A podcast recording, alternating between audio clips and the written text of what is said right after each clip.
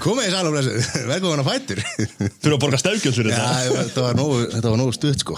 Er það? Hérna, Bara ef þú segir engum, þá hérna, spilum við þetta ekki. Þú komst með þetta sjálf Gulli. Ég veist að ég er algjörlega saklaus. En þetta var ógeðslega flott í okkur Það er algjörlega briljant Þetta var nefnilega spurning um þetta. Já, eða þetta. Já, Atlanta tekur þér Menn og konur hafið ykkar aug á mér Fjörn í dag er Gulli Helga og þess að last hlustið á kallinn Manst þetta þessu? Já, já. Sem svo gefur þetta þessi, hérna þetta er fer með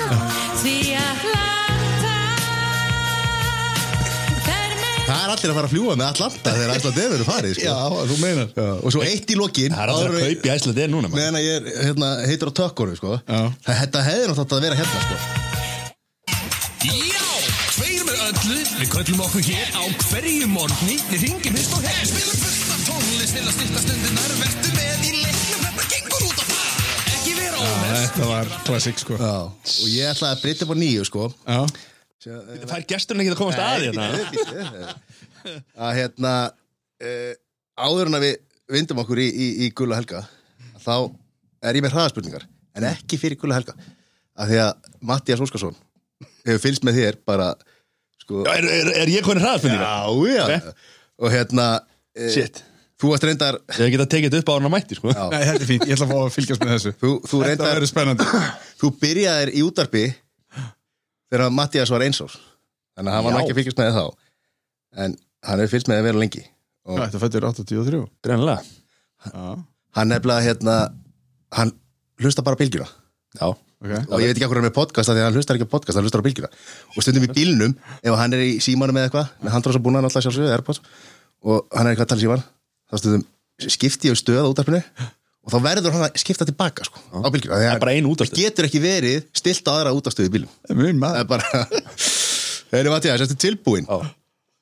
Ok, Ég er að stressa. Árið 1992 var Gulli í leiklistaskóli í Bandaríkjunum. Hvað heitir skólinn? Þetta var í LA Hann heitir, það veit ég ekki það er Bara hérna Það er í LA allana á, það er ekki nú Áður en Gulli fór í leiklistan til Bandaríkjana var, vann hann á stærstu útastöðum landsins Á hvaða stöð starfaði Gulli áður en fór til Bandaríkjana á? Á hvað stöð? Bara á hérna FM 957 Rátt. Gulli var umbóðsmaður einna frægustu hljónsveitar Íslasögunar Hvað heitir hljónsveitin? Frægasta hljón eða náttúrulega Böttuköpi frægasta hljónsveit Íslasögunar En það var ekki svona Það er hvað voðalegt erfið spurning Áður en Gulli fór til, til Bandaríkjana Þá hafði hann búið áður í Bandaríkjunum Já. uh, 1987 til að mynda Boston Ránt. Hvað höfundur heilla Gulla mest? Hvað höfundur? Veitu, ég er ekki stokkar sko ég... Þetta er einhver lélegast í Hraðaspurningar Já, ok, ég veit ekki, pass Tveir með öllu gátt bók árunni 1992 Hvað heitir bókin? Hérna, þetta var Þetta var dagbók Rétt. Tveir með öllu komu í breyttri mynd árunni 1996 Hvernig breytist nafnið og hver stjórnaði þættinu með Gulla? 1996 Ekki hugmynd. Veit þetta. Hjálmar Hjálmars. Já, ah, það var- aðalstöðin þetta aðast uh, held, ja, Ég hlusta náttúrulega ekki aðalstölu, ég hlusta bara á bylgjuna. Stjórnin? Stjórn, auð, umbóðsmaður stjórnarina Eitt lagan Zagreb Og Los Angeles líka. LA, já, já, já. Líka, þetta var, þetta var tricky question. Já, þetta, voru, þetta var líka Það kom sko hérna í þessu, hérna, í þessu dagbókum. Þá voru st- af Svar- Svartabókin svartabókin, já, og hérna, þá voru styrla staðarendir í þessu. Og svo var hérna, ég nefnilega fekk hérna frá einum diggur hlustanda hérna, sko. Já, varstu búin að fá Söri Send eða? hann var hérna, já, já, því ég vissi að þetta var ræðarspendingar hann var hérna hann var í úlingavinnu, þá átti hérna átti að ferða útvarp og bylgja á mesta nýbylgjustöðin sem var náðist þar. Og tveir með öllu var þar á sím útvarpinu. Uh, og styrla staðarendir hérna er, er til eindaka þessar bóka. Hann er að spyrja því. Já, þ- það er ykkur sem eiga þetta til ennþá, sko, ég held ég eigi tvö eindök af, af svörtu og svo kom grænbók svona hippa munstur árið eftir. Já, hvað, veistu hvað þetta fór í mörgum eintökum með? Þetta fór í pff, ní- Þetta, þetta var held í 45 eða 6 úr stendugum Já, það getur verið, eitthvað nálgæðis 50.000 Já, þetta var geggjastöf til dæmis voru upplýsingar um hvaða myndum afturendar á frægum leikurum byrtist það var tveggja ára verkan að klára listan og stróka yfir með grænum yfirstyrkanum penna. Þú var búin að sjá það. Já, en það var lítið sem vídeolegur og borgarnir áttu á þessum tíma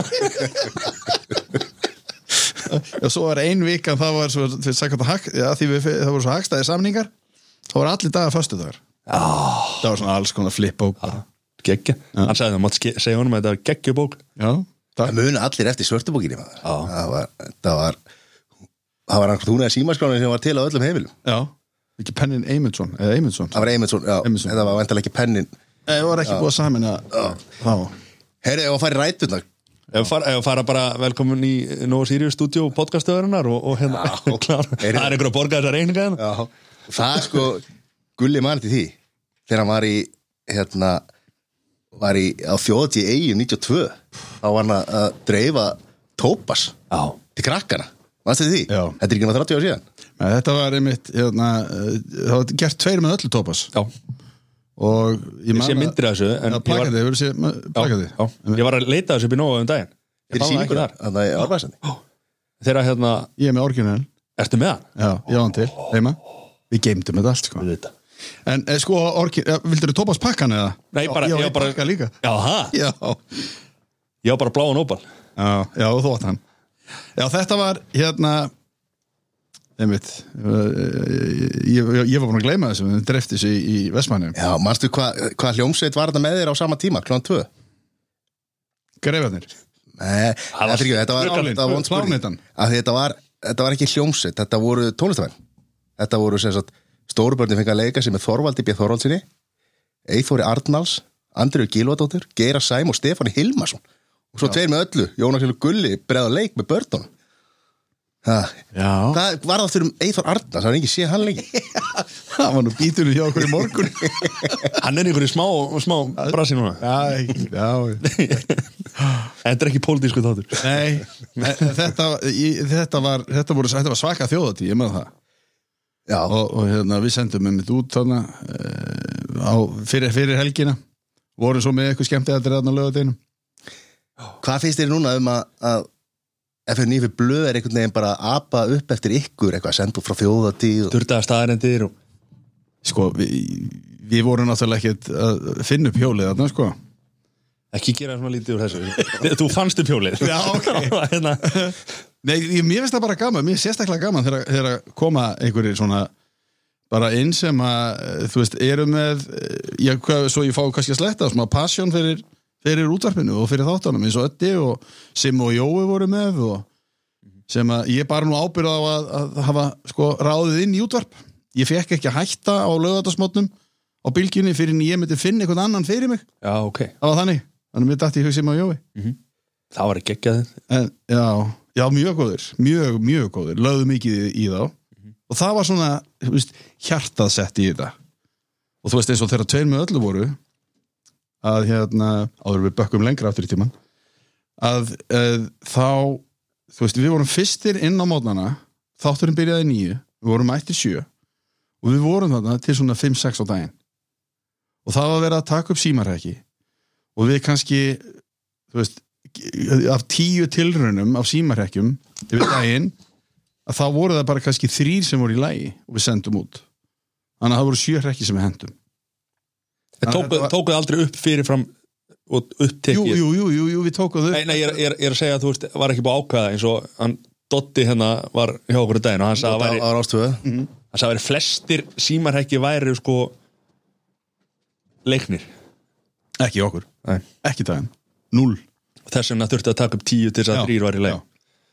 og, og þú veist, við fengum sendar ábendingar á faxi og uh, hérna voru útskýra fyrir hlustandi hvað fax er sko. já, fax.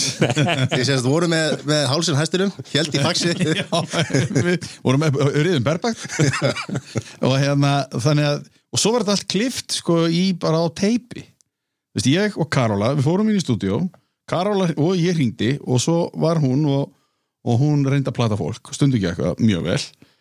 Svo þegar þetta var búið þá þurftum við að klippa út byð þú veist, það var að býða eftir að vera ná í við komandi í síman og svona og þetta var allt gert bara í höndunum bara, þú veist, á tútrakk tveggjar á þessa teipi og það var bandið, finna, merkja og svo klippa og taka út þagnirnar. Nú er þetta bara gert í tölvu. Bara ekkert vesinn ekkert mál sko. Og svo fór Karolina bara að smíða tennur hún var náttúrulega transmiður þá. Og við, við, við fundum hana það var, ein, var Helgi Rúnar Óskarsson sem er núna eigandi 66 norður. Ja, einn af þeim. Hann fekk hana til þess að ringja fyrir sig eitthvað símarhekk fyrir eitthvað ásáttíð eitthvað. Og leið okkur að heyra þetta. Og við vorum fyrst, sko byrjuðum fyrst sjálfur að ringja svo bara, og, og í beitni svo þú veist, eftir þrjá daga þá þýtti það ekki neitt, sko, lengur vegna þess að fólki var bara að hlusta. Og svo þekkti það okkur, svo, já, svo fórum við að ringja eftir þátt. Og fólk var að fara að þekki okkur þá líka. Þannig við sáum við erum að fá okkur manneskinn í þetta með okkur. Og þá bendir Helgi Rúnar okkur á Karolu og þá er þetta Karola tannsmiður og vin, vinkona sýstir Helga. Og við köllum hana til og við förum inn og, og, og hún, hún settist bara fyrir fram að hljóðanum hann og hún breyttist bara í gamla konu þegar hún var þú veist, þóttistur að gamla konan. Og hún, hún er svona, þetta er svona kona sem er með miljánrættir og það stundu ég satt við hlýða, þekkja hana mjög vel ég tók upp sko, örugglega 200 símarrekki með henni og það, það meiri að sko á símarrekka 157 þá brá mér að því það kom eitthvað nýr karakter eitthvað nýr rödd. Bara, bara algjör snillingur. Og að spinna, Já. það er bara hennar sérgrein sko. það er alltaf líkildin þessu ekki stenda á gatti eitthvað. Nei, já, en að þú hlustar alltaf á okkur Já. veit ekki hvort þú hefur heyrt um daginn ringdi kona inn í, í símatíma og sagðist bara að hérna, láru loftþrýstingur færi svo rosalega í hana Já. að hún hendi págögnum alltaf út, á, út úr gluggan það var Karola. Það var ekki að nei, þetta getur ekki verið sko. Nei, En Þannig að, veist, og, og við eigum alla þess að síma ekki til og við eigum alla þættina ennþá til, sko, á teipi. Þannig að, og meira þess að það er þetta nálgast á einhverstaðar á netinu, sko. Ég get eiginlega ekki, jú, ég dett stundum inn í það frá náður í kori, svo bara get ég ekki hlusta á. Það, og mjög með en hvað er þetta með útvarp og svona comeback og nú er super komið á bylgjuna hann aftur og þú veist, þetta er einhver fíkni eða þetta er hvað hvað dregur þið? það er bara, þú veist, þú hætt ég er búin að gera tvær tilunum til þess að hætta. Og það bara einhvern veginn, maður bara sogast inn í þetta aftur. Þetta er bara gaman og það sem er svolítið gaman, ég heyrði einhvern tíma setningu hérna, ég las einhvern tíma setningu í einhverju svona útvarsblæði að sko, radio is the theater of the mind eða sagt, útvarpið bara leikhús hugans. Þú gerir þér í hugalinn þú kannski, hérna áður fyrir á, á rás eitt, sko, þegar gömlu, þegar við Jón Múli og var á Jóhannes Arason það ímyndu sig allir sko Jóhannes Arason háan svona hérna, axlabreiðan mann með, með dökkara með skegg sko. En hann var akkurat ekki þannig það er bara magna, magna þegar maður sér menn. Já, búin að heyra, hlusta á lengi í útvarpinu sko. og þar, þar lærið þú að því að við, ég glemd að segja svarið við hérna, The American hérna, Academy of Dramatic Arts. Sko? Því að ná því bara. Hvernig, sko, já, af því að við ætlum að hendi í eina Jón Axelsögu já, af því að við hefum fengið hann fyrir nokkur síðan. Þá hafði Matti samband við hann. Bara á miðvikti 50 degi og eitthvað og spurði hvort það geti komið. Og hann sagði, það er svolítið vesen. Ég er að flytja til Ítalíu um helgina. En við getum græða þetta mánudaginn ég verði þetta á Ítalíu þið komið bara á kanan. K100 já, K100 já, Áskipátt verður bara tökkunum og svo vorum við bara með hann frá Ítalíu og hann var bara nýfluttur sko, hann var búin að vera þetta í tvo daga eða eitthvað. ok. Og bara tókum við þetta upp á mánudeginu bara hann nýlendur. Hann er svo high tech. Bara, það var bara græja á staðinu sko. En líka bara sendi okkur bara upp í K100 stúdíu og já, Davíð Ótsson að banka maður, hvað er þið að gera þetta Nei, það er Eithor Arnars eitthvað hann býtum við eitthvað. Nei, heyrðu, hvað er þetta Þú fyrir alltaf að beina á það, er þér? já, já, þetta sko að því að við erum búin að fá Sigurlund og, og hérna það dotta og svona. Þetta er og bara eins og, eins og svali og Frosta líka. Og- já, þetta er bara þetta, þetta verður einhvern veginn að þú ferði í útvarp að þá kemst aldrei út aftur sko. Já, það er annarkort. Þú veist, annarkort ferði inn í smá tíma og svo hættir og þeir sem að hætta þeir hugsa oft tilbaka og sko, ég veit að það eru margi sem að væri til í að fara aftur inn, sko. Og þú veist, eh, fólk sem hefur farið annarkort í læknisfræði og, og er, veist, sérgreina læknar í dag eða, eða starfað í einhverju öðru.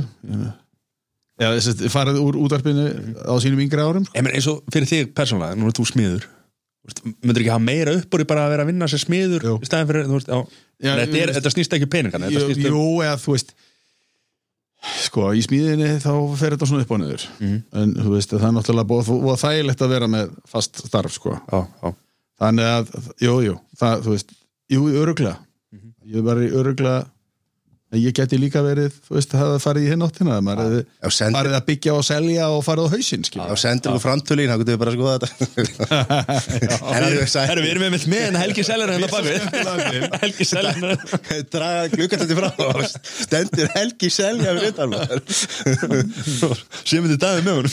Þeir eru orðinni vinir. Það var þetta ekki Helgi í, í, í Já, ég, Jóhannes Káur En ég ætla að þú sagðir hérna, eins og til dæmis einhverju sem verið læknisræði sko, sem að, og, og, er samt alltaf að hugsa tilbaka það er ekki gott að vera skurpórnu eitthvað læknir, eitthvað skera þessu og eitthvað ég fann auðlýsingar það er rugglast aðeins. Þú ert án þær, ég ránaði með það. Hvað hérna ætlar ekki að fara í fortíðin fort, fortíðin, sem að það, Eh, æskuna. Nei, hvað, nýninu skál. Erum að fara í, í hérna, kannski aðeins svona bara í uppvastarann já, uh, því að nú þekki maður þið bara sem smið og, mm. og hérna, því þú varst byrjar útarpið áður en ég fættist og smið og, og, og fjölmiðlamann. Mhm. hvað hérna, og þú, þú er alltaf ungur þegar þú ferði það. En hvað varst það, Bartúsa, varst það einhverjum bolta eða, Nei, ég, vistu það, ég bara einhvern veginn, sko ég er alveg upp á Rauðaleg 37 og bak við það hús er fótboltavöllur, ennþá held ég alveg öruglega og ég gerði til heiðarlega tilrunni, sko, fór út og ég bara, ég bara held ég hafi ekki haft, sko, skap í þetta einhvern veginn mér fannst þetta vera, þú veist, óþægilegt maður klikkaði, þá var allt vittlust, sko ég var bara ekki einhvern veginn alveg típan í það, sko Er þetta ekki með keppniskap eða Jú, á vissu, sko, á vissu leiti, sko, þegar kemur ákveðnum hlutum. Þú veist, ég er meja, en ég, sko, það er til tvær gerðir af megjum. Það er þessi sem er alveg algjörlega með, algjörlega fullkonuna áróttu. Eh, Ég er, og, ég er það kannski á ákveðnum sviðum, stundum óþólandi, þú veist, ef ég er að smíða eitthvað eða þú veist að gera eitthvað, þú veist, á, á, á ég það til að detti í það, sko. Það þurfa að vera með, Jón Axel sagði mitt að því við vorum að tala um Jón Axel. Veist, það myndi aldrei sannlega, þýða fyrir mig að kaupa, kaupa íbúður, gera upp og selja vegna þess að ég var í svo samvinsku samur að þetta er allt svo ógeðslega flott og bótt að, ég myndi bara tapa á því. Já, en þú veist, ég, maður veit ekki já, ég, ég veit menn hann fúskar þetta hann að maður eitthvað, jú, jú, ég, maður er séð þess að stóla hann frá hann sko. þetta er nú meira ég, ég ætla að segja að ég sá að matta hvað hann var að hugsa þegar þú sagði að það væri tvær, tvær gerðir af megjum hreinar og ekki. Þetta út? Svo, svo sem sagt, já, fó- ég fór í, í sagt, var þar þangað til ég var nýjára nýra á Rauðalegg og fór þá í Fossvæin og þar eða þá fór ég sagt, í nýjára bekk í Fossváskóla og það var ekki þá til tíjára bekkur þar þannig að við þurftum að fara upp í breiðagerri skóla og búandi í Sævalandinu sem er frá með víkina það var svolítið spölur sko að lappa yfir í breiðagerri skóla, tíu ára. Þá lappaði maður bara hitta veitur stokkin og, veist, og það var ekkert verið að skuttla manni þá ekki mikið, ekki nema að veri bara veist, snældu snar vittlust veður sem var held í tvis og sinnum. Mm tvo mótna þegar ég var tíu ára maður let sér bara hafa það. Og þá var ég hérna, þá man ég eftir þessu. Ég var tíu ára bekk og það kemur leikumiskennari kemur inn, Þóri Kjartan hann segir hérna, það eru tveirinn í bekknu sem okkur langar að draga í fimmleika. Og það var ég sagt, og Bái Frendi Já. og við fórum í fimmleikana og ég var í þeim alveg þangað til ég var 14 ára, 15 fyrst bara í breðagerði skóla og svo fór ég aðeins yfir í Ármann. Þannig að liðlegur? Nei, að, þú veist, þetta var bara nei, kannski ekki alveg en jú, jú, örgulega eitthvað sko. En ég labbaði höndum og ég, ég það örgulega í dag sko, ég myndi vanda með þess ég sá hvernig út í síðasta síðasta kula byggja sér þegar þú risa flýsatar úti. Þú dansaðir alveg með þær sko. Já, einmitt. Alveg hoppaðir hann með En það var rosalega gott og það, ég hafði hérna, hafði mjög gott af því. Fimmleikar eru náttúrulega alveg Já, þeir eru rosalega góðir sko. En þú veist, svo má deila um það sko, þeir eru komin í keppnis. Ég eiginlega hætti svona þegar maður byrja var úr komið þanga maður byrjar að keppa. Á eiginlega svona, að ég, þú veist, ég var í þessu bara til að hafa gaman að þessu. Mér fannst einhvern veginn gamanið hætta um leið og að spyrja að keppa. Bara æfingar sjö sem í viku. Já, það var orðið, sko, já það var dollta mikið. Já, og það má eiginlega vera að segja það sama um skíðin. Ég einhvern tíma fór ég og æfði skíði og þegar maður byrjar að keppa og, og þú veist að þá, hérna, svona, æ þetta er fínt, ég er bara, hérna, ég er góður, sko. Já. Keppnisskapið í íþróttum er ekki, ekki nei, ekki alveg. menn aðrir kannski eru bara svona, "Ah, ok, nú er bara er í kóðan þarna, nú er það að vinna sko, þannig þannig að, hérna, En voru, varstu þá farin að huga eitthvað að smíðunum með það? Sko, ég var reyndar alltaf, sko, hérna, pappi heitinn, hann stopnaði stáliðina þegar bara um svipalitu ég er að fæðast. Fyrirtæki sem smíðaði húsgögn, hérna, stálu, hérna, játn, hús, eða sérst, já, húsgögn, eldhústóla og eldhúsborð og skrifbóstóla og svona. Og ég vann í vestmiðunni hjá honum og ég, það byrjaði svona aðeins að þrefa mig áfram í smíðina bara, þú veist, 11-12 ára gamall. Mér fannst þetta rosalega gaman. Þú veist, að sjá eftir sér hlut þú ferð á stað, smíðar eitthvað alveg sama hvort þú ert að smíða vegg eða, eða, eða eitthvað hérna, lítið borð að sjá eftir sér eitthvað hlut er, er mjög gefandi sko. full klára eitthvað er alveg. Já, það er það. Og þú veist, þú getur sagt bent á þetta, ég smíðaði þetta. Þú veist, það, það er, það er æðislegt. Þannig að, að það er svona kom í ljós að þú veist, jú, ég var handlægin hérna, vann hjá, byrja að vinna hjá pappa í stafliðinni þegar ég var ég veist sannlega verið bara 13 ára. Og hann kendi mér að lokksjóða og þá verið að lokksjóða sko svona gattaræru á endan á röri eitthvað sem hann notaði inn í skrippborð eh, eh, þú veist, eitthvað, eitthvað húskarnaframleyslu og ég bara náði því strax. Hann bara síndi mér þetta einu sinni og ég bara náði að lokksjóða svo ég satt bara 13 ára bara inn í vesmiðinni og var hann að lokksjóða eða gati eitthvað plötur á eitthvað pressu. Og hérna þannig að það kom, já, kannski til til að snemma maður var svona, hafði þetta í handanum það er bara svo gaman að vinna eitthvað með höndunum. Gera. Það er það sko. Það er mikið gefandi sko en hérna svo, svo sem sagt fer ég já ef, ef við höldum okkur kannski aðeins við förum aðeins nokkur ár áfram og þá þá þegar ég fer í réttó þá kom að því sko þegar þú veist, þú klára réttó hvað ætlar þá að gera? ætlar Já. í mentaskólan eða uh, og ég var þá byrjaður í hljómsveit vorum með hérna, hljómsveitina Drömsín í réttó Björk Guðmus með okkur með þessa Ég ætla að ég veit ekki skjáða, hún hefði verið að Já. einhverju svipuður ekki. þetta er eiginlega tímabilið hennar sko frá Arabadrengnum yfir í uh, Tapadíkaras og þar að segja þegar hún, sagt, er þá í skólanhljómsveit með okkur, við erum svona um að fara í hljóðrita og tökum upp þar nokkuð lög. Og ég var bara, veist, ég hafði bara engan áhuga á námi. Bara nefndi þess ekki sko og kom ekkit vel út úr þessum samrændi prófum. Og var svona, veist, alltaf bara að fara að vinna eitthvað og þá var sagt fjölskylduvinur eða þess að vinur fóraldra minna eh, Gunnar, arkitekt. Og pappi var eitthvað tímann að tala við hann um þetta og hann, "Eh, hvað ætla Gulla að gera? Hann alltaf bara, nei, hann er hann er eitthvað að spáði að fara að vinna mér líst nú ekkert og það var að fara í eitthvað skóla. Og þá nefnir Gunnar þetta en hann, en býtu, hann er handlægin já, já, hvernig fyrir hann ekki í húsasmiði já svo, þú veist, þau nefndu þetta við mig. Ég segi, já, ok, akkur ekki? Svo ég skráði mig bara í þið og fór að læra húsasmiði en var ekki gott að koma þá inn í set skóla og þá veistu svona veist, að finna skóla sem var fyrir mig. Ég er að segja það. Mjög svo. Finna þína hillu. Já, og smíðana. Drundins. það, ú, Veit ekki með hennan. smíða já, ef finna fjölina sína. Og leggja hana og líma hana niður. Og pússi yfir hana. Hérna, þannig að það var jú, það var mjög gaman. Maður tók þetta reyndar ekki, ég tók fyrst fyrir veturinn fyrir veturinn í skólanum tók maður, ef, kannski fyrir áram og tók maður ekkert alveg nú alveglega þá var ég mitt ennþá í hljómsveitinni. Já, og þá vorum við að taka upp í hljóðrita og það var maður svona datt út einn og einn tími sko. og svo bara tók maður þessi taki maður var á mútin og En hvað varst að syngja eða varst að, varst, Nei, ég spila á trómur varst að trómið þar? Já, Já. Og grípur þú stundum með það í trómyndana Já ég áreindar ennþá þetta sett sem ég var með þá. Ég var reynda að seldi það þegar ég var 19 ára. Og svo 2006 þá hafði ég upp á því aftur og keifti það tilbaka. Þetta er fyrsta tamasetti sem var flutt í landsins þetta er hérna uh, þetta var sko á þeim tíma þegar tamatrómyndar voru handsmiðar. Og þannig að, að ég döðs á eftir ég lánaði gulla brýmða á hérna, ljósin í bænum disco frisco já, já. þannig að trómyndar þar er setti mitt.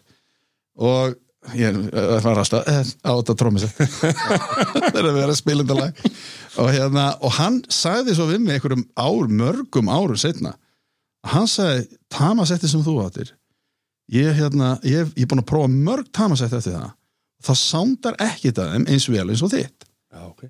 Svo ég, þá, fór hann að útskýra þetta fyrir mér. Þetta var á þeim tíma þegar hérna, trómyndan voru handsmiðar.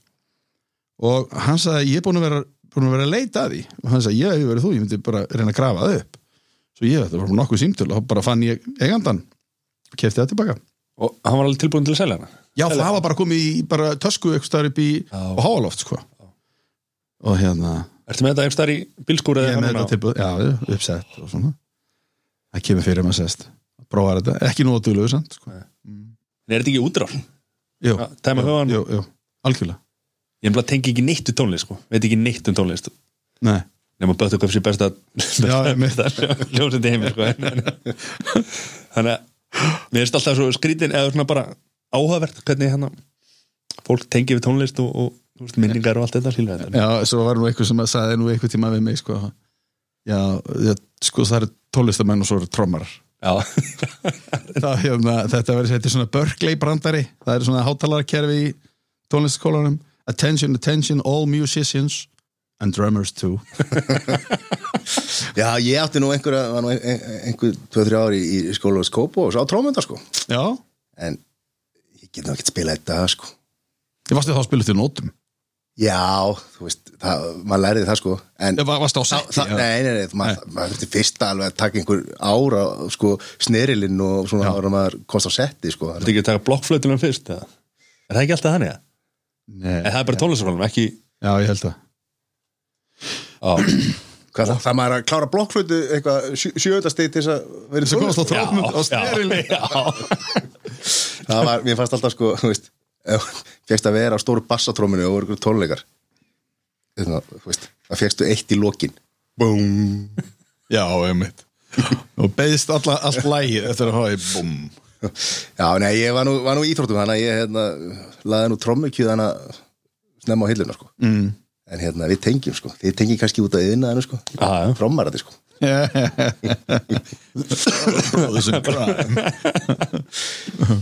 Það er bara svona já, svo, af hverju leiklistin? Hvað er hérna, Já, Hvað það, kom það svolítið í? það var nú eiginlega svolítið svona eða, þú, klá, þú klárar húsasmiðin, Já, ég klára mér fórstu svo að vinna með það? Nei, og þá fór ég bara þá fór ég aftur í útvarpið. Já, það er sko, ég, ég útskrifast rifið bárin er ég útskrifast 80 og 1, 2 já, 81 eða 2 þá fer ég að vinna reyndar hjá hérna, uh, pappa í stáliðinni og sé um breytingu á húsnæði sem hann var með og eða var að breyta. Og uh, síðan fer ég bara ég fer og sæki um á Rástfö þá höfðum við verið sko, Jón Axel var, var búin að vera plötusnúður í bústöðum og Hollywood og klubnum og ég er svona leysa af öru kóru svona pínlítið með honum sko. Og bústöðum, var það einhver skemmtist bústað, nei, bústæður var félagsmiðstöðin í bústæðakirkju já, ég skal skjæna að það veri bara grímsnirni að fara á milli já, já, bústað já, nei, já. Góður. ekkert að vera shit, þetta er- maður smitast að heimi hérna sko. Já, einmitt. og hérna og e, síðan, síðan fer hann og Pétur Steinn þeir fóru að ráseitt með pophólfið og er einu sinni í viku þá var, þá náttúrulega var bara að spila tónlist sko, eftir hádegi í hálftíma veist, það var poptónlist það var bara klassík og miðdegisagan og eitthvað svoleiðis. Og svo byrjar Rást 2 og þá er mjög hérna svona sjálfgefið að þeir fari yfir á Rást 2 eh, Jón og Pétur Steinn.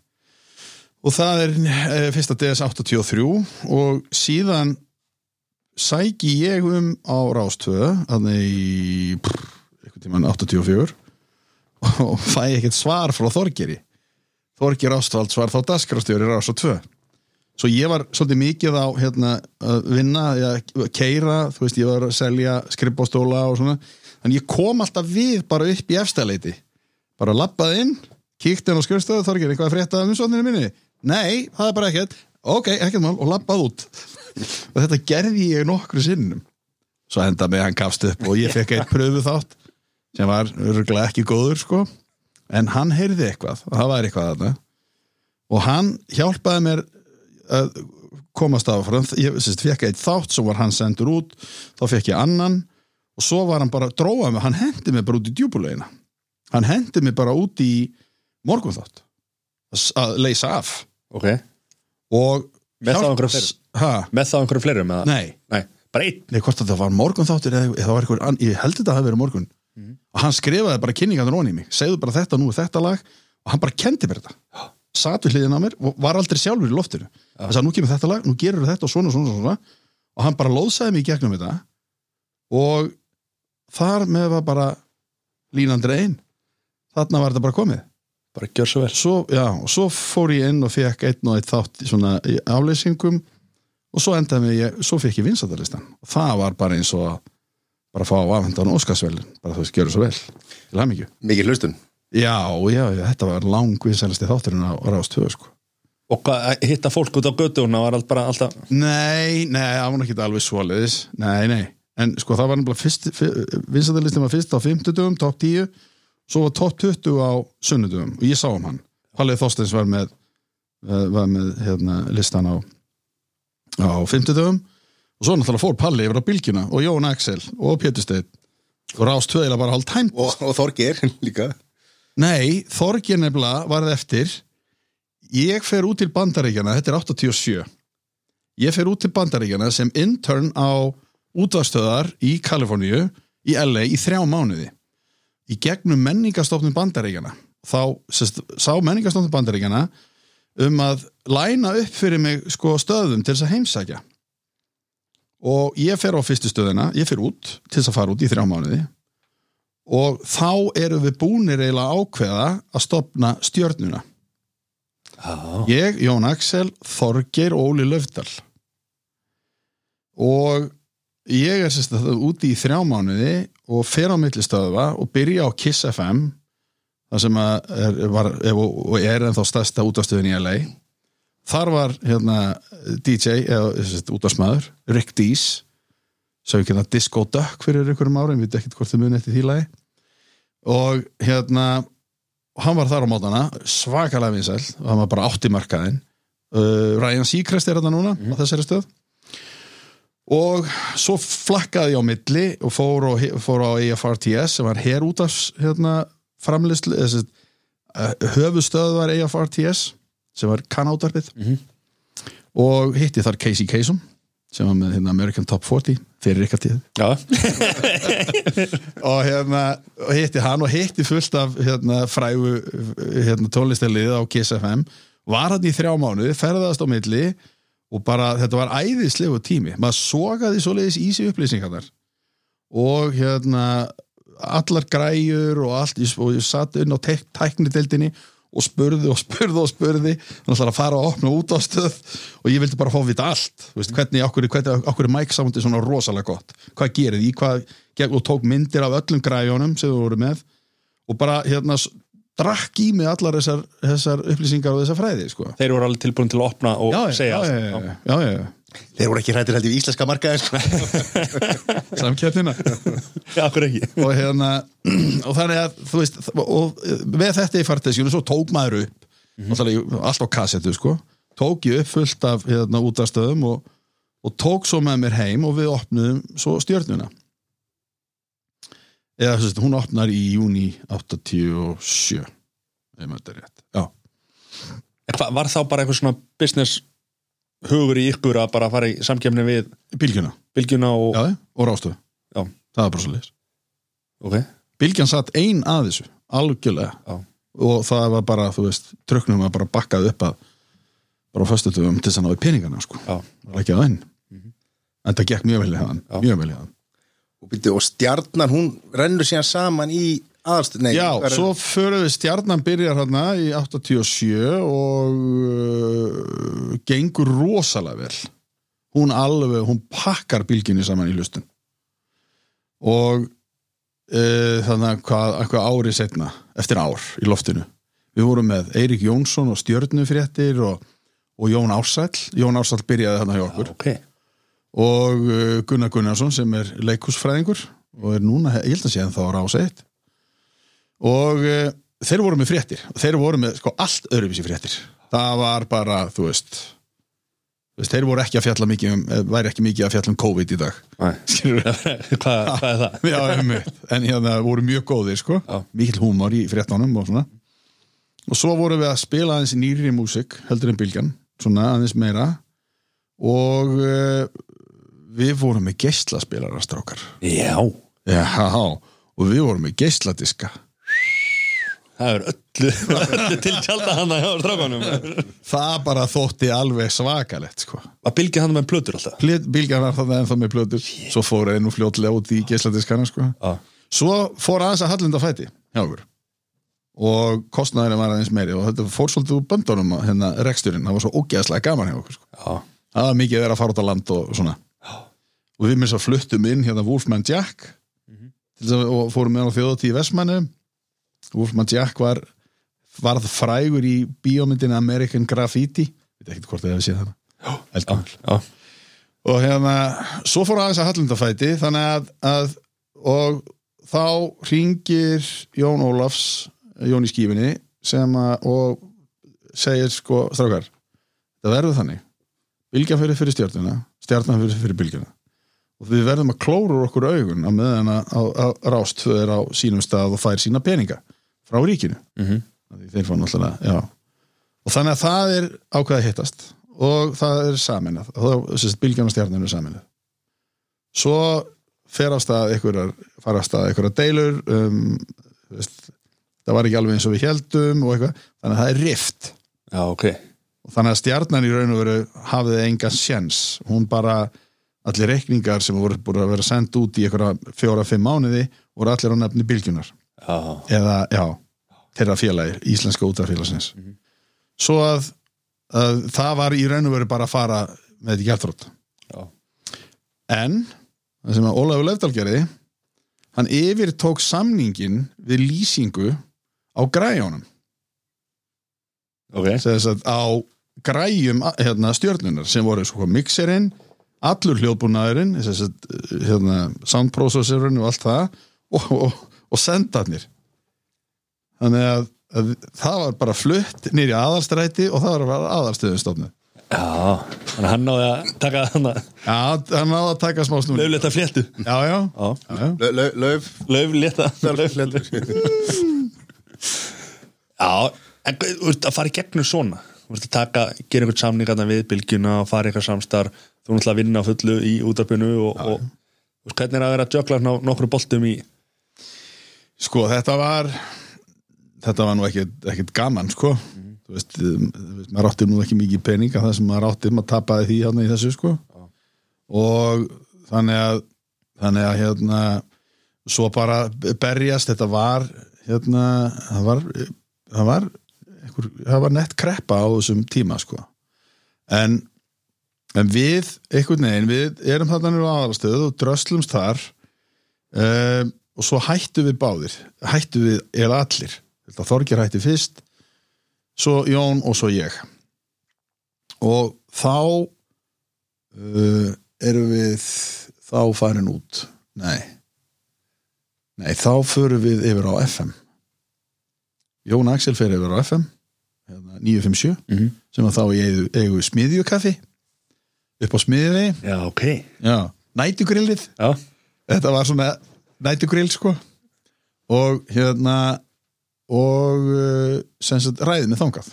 Áttu þeir FM þeir áttu FM 957 Já, ok. Hún var í húsnaði bara hinum einn þessum hérna, Goldfinger, ég veit ekki þið er náttúrulega vitið ekkert hvað er Goldfinger Ég sótti pappastundu hann Nei, er að þar var smiðjukaffi. Og hinum við göttuna uh, var sem sagt FM Er þetta þá áður en að kanarnir koma hérna uh, á þessum tíma? Þetta er löngu fyrir það. Eru, eru þeir ekki ný eru þeir ekki bara upp úr 90 eða Kanadír. seinna? Kanadír sem allir keiftu hérna stöðina síðan hérna og Jú, það er setna það, er- það er einhver ára já, setna já, það er setna uh, Þetta er 90 90 eða 91 Sennilega 90, þetta er 90 Já, Saga Communication hérna, Já, já, þeir kaupa það, það er setna Lendið þú ekki í þeim kapli? Hérna, Nei, þegar var þá var ég byrjað að smíða. Þetta var í kringu 2000 Það er svo seint. Já, þá var ég byrjað að smíða aftur. Og uh, hérna nei, ég er nefnilega kem ekki mikið við sögu þar. Nei, ok, ég held að það hafi verið hérna einhverjum það var þegar ég fekk út af óþólið Já, ég vil bara gæti ekki hlusta út af það kom tímambil hann það var það í fyrra skiptið hérna þegar svo tekur aftur kvíl 2006 en við ætlum að færa þetta ég ætla ekki að tröfla söguna, við erum hérna upp úr 90 eða ekki? Jó, Á Goldfinger, og hann er enda Við státtur erum við erum á Goldfinger, hver er að dansa? þar, Var það Kristel? hérna, þá Kristel. byrjum við sko þar förum við Jón Axelin saman. Og þetta reyndar sko við reyndar byrjum saman. Fyrsta sinn sem við erum eða saman með útastátt var í bara í dauðategunum á stjörnunni Já, að því að sagt, skipt, þróta, nei, skiptafstjóri stjörnunar ákveð, samþykir að, að halda stöðin áfram gangandi. Og þar er okkur alveg saman með allt, við erum búin að missa þetta. Þetta er bara, og þú veist, við fyrir bara í stúdíó. Og við ætlum að hafa bara gaman. Það er eiginlega upphafið að tveimur öllu. Þá fyrir við að ringi út um allt og Ja, láta og, og- kæruleysið og erum bara við sjálfur ringjum á hérna South Fork í Dallas og f- f- fíblumst eitthvað í þeim og erum bara með svona símtöl sko. bara fíblaskap, gerðum allt sem okkur dætt í hug. Ringi Erlendis hann að kosta ekki að mikið Já, já, þetta var mjög- öllu út úr þessu. Það þau þetta panta símtalið. Þið mun ekki þá. Hvernig þætti varstu á með undan því? Það var ég bara svona, þú veist, eins og Ívar og, hérna. Já, já, komið bara, já, bara DJ sko. hérna spila tónlist og segja bara á veðrinu sko. Já Kallast það DJ Nei, já, það er svona, það er svona DJ sko. Ok. svo, svo hérna fer ég sem sagt út. Uh, fyrirhandi kona mín, hún skráði sér í skóla í, í San Diego. Og við flytjum út með hérna elstason minn sem er þá einsás og þá fer ég að hlusta á útvarstöðar í San Diego á Lóðafellinu og maður held áfram að drekki mig bara hvað hinn er að gera og svo þegar við komum tilbaka um sumarið þá hérna fara tveir með allavega stað. Þá hétt þátturinn tveir með all Það er 92 eða ekki? Það er 91, það er eiginlega sumarið 91 sko. Tveir með allavega voru 92 og 93 á bylginni Já, það er ekki rétt um mér. Þá, þá var þetta sumar þáttur eða ekki? Jú, þá var þetta bara sumar þáttur það byrjaði bara þegar þú veist, ég kom, kom heim og ég, sérst, við förum út þannig 90 og þá skrái ég mig í leiklistaskólan og fyrir inntökupróf. Og hérna þá er sérst, sérst, við búum í Sandi Jökunskólinni í LA og ég kemst inn. Þannig að veturinn þar á eftir þá að leiði ég mig bara lítið herbyggi upp í LA, bara rétt við hliðin á skólanum í Pasadena. Og var svo bara í San Diego um helgar. Þannig að ég keiriði bara á milli þetta og tekja til magstur já En akkur er leiklistina? ég, veistu það sko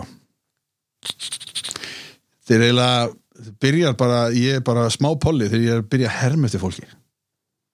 Byrja, þú veist, að herma eftir alls konar hljóðum og, og þú veist, og, og bara, þú veist, herma eftir göngulagi hjá fólki og svo bara einhvern veginn, mér langaði bara að prófa eitthvað nýtt. Einhvern veginn, ég einhvern veginn, vissi ekki ég, ég raun og veru bara það bara gerðist. Forvitni og já, já, ég raun og veru.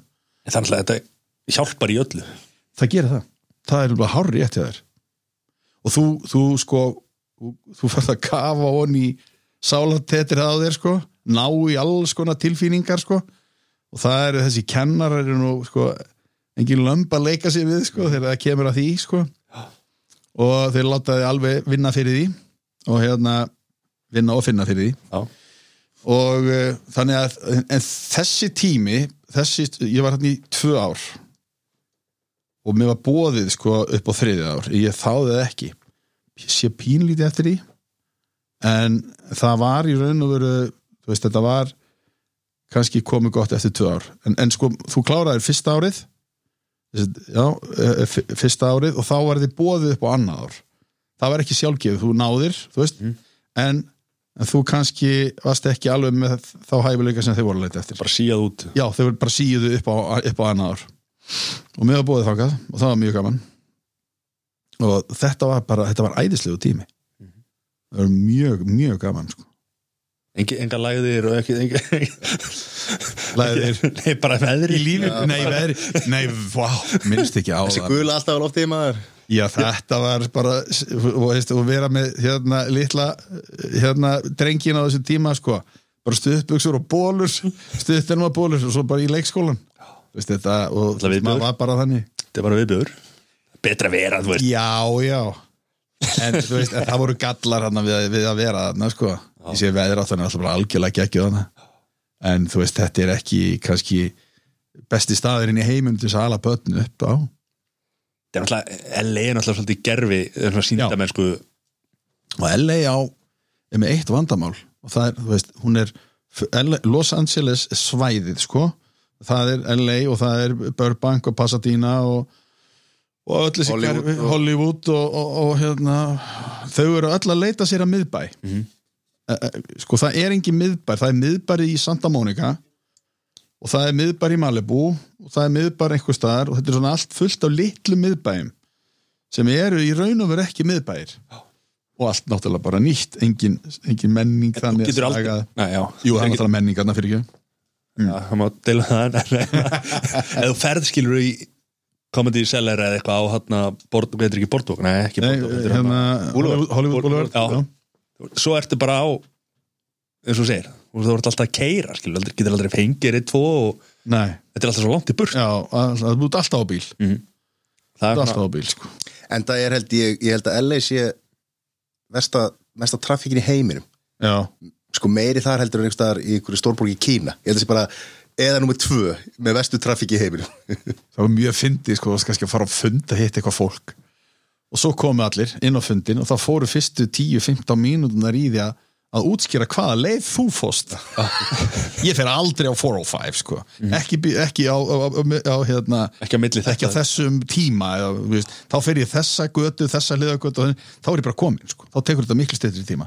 Þá voru allir að deila sko, svona, þeir, þeirra lenda, lendamál um, um, um ekstisleið ekki deila þessu, því þá nota þetta Nei, allir myndi, já, já, það er rétt. Svo er eins og bara, þú veist, ef maður vegast þá er, þá er maður ekki bíl sko. Nei, nei, það labbar allt Já. Strippin er alltaf ekkert mjög langt sko. Nei. Þú gata Jú, það er bíl í Vegas maður. Nei, hann er bara fastur að spila í vítunum það fer ekkert út, þú út, úr í Bara í sko, hann er ekkert bíl sko. í súruminu ég er enda lélegast í spíla ég var hann í Vegas Já, var að spurja sko hvort að hérna það var hvað var það maður Black, eh, nei, Blackjack, ég veit ekki hvað það heitir sko. mm. og þá hérna kom gæðin sem er að hérna mm. dílerinn já, og það bara hefur spilað á það ég er nei, nei, herru ekki, ég nenni ekki að taka það peningana sko. það er svoleiðis. Ég bara, ha, ég má ekki prófa þess nei, nei, herru, það er kennsla hérna klá nýju fyrramáli við erum komið og þeir eru kent á þetta. Þeir buðu på það? Já, mættu bara hérna klá nýju fyrramáli og hérna, þeir eru burti bara. Mattias, þetta er eitthvað trikk að hann ætlar að taka meiri peningar að setna, bara eitthvað Nei. spila víti bara eitthvað, nei, nei, nei, gemdu bara peningar þetta var samt alveg, þetta var samt alveg þannig sko,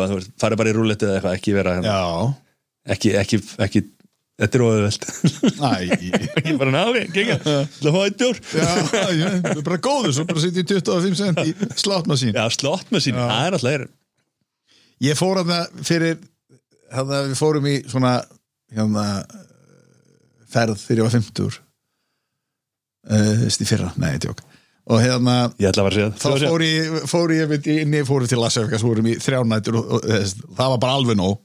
Finnst þið það? Já ég var bara búin að alveg búin að hóma fullsatan þrjá daga oh.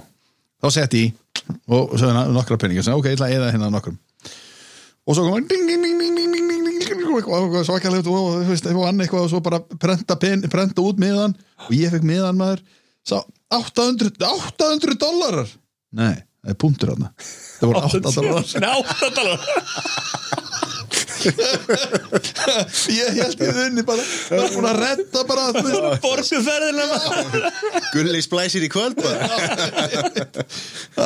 Svo var ég alltaf með að held á svo, það er ekki ekki eftir púntirum já, mjög gaman. Ég er nefnilega, ég, ég fíla þetta sko. Þú veist að vera Já, var, það? Já. Svo fór maður einhverja sýningar á kvöldin Svo Brittany Spears live aðna maður já, já, já. Þú veist maður fór á einhverja sýningar Svo fór ég eitthvað Bissu Reigns aðna og það er að gera fullt að dóti hann sko. ég helling, sko, talandi um það. Þá þegar ég var með í LA þá hérna, kynntist ég Jóni Óttari. Já, og Möggur Mögg, Möggur Hraps hérna, hafði ég kynst áður á stjörninni byrjaði Möggur, Möggur Hraps á konun hans já, já. á stjörnina og svo fór hún með okkur yfir aðalstöðina. Um, þar kynntist ég Jóni Óttari og við fórum saman á skambisunnámskeið hjá lörglunni eða það var sagt, þetta var svona shooting range þú veist, það var bara svona, þú gast farið inn og það er bara svo í lethal weapon, bara með gleru og hérna hlifar og svo varstu bara með berettu og fullan póka af skotum og svo eitthvað svona ljóta kalla mynd, þú veist, sem þú settir á svona brett, þú veist, band eitthvað. Svo settir það bara beint og svo bara skustu, svo varstu bara bam, bam, bam, bam, bam, bam og skjóta á lofullu, en til þess að fá þetta þurftum að fara á námskeið og þá var, sagt, þá var það þjótt frá LAPD sem að kom og kenda okkur og Jón gerði allt vitlust hann, hann miðið byssun á lögg. Gæir hoppaði í konu það var, það var, það var algjör í styrlaðastu látur þetta var svo fyndið. Hann var ekkert að hlusta á hann. Nei, nei, Hann mjög... fer sína eigin liði já, já, hann gerir það sko. En það var mjög gaman, mjög áhugavert að gera þetta. Og svo hérna nei, jú, ég fór á það nokkur sinnum. Þetta, ég gerði þetta því að mér fannst einhvern veginn, ég hef alltaf verið hrættur við byssur. Já.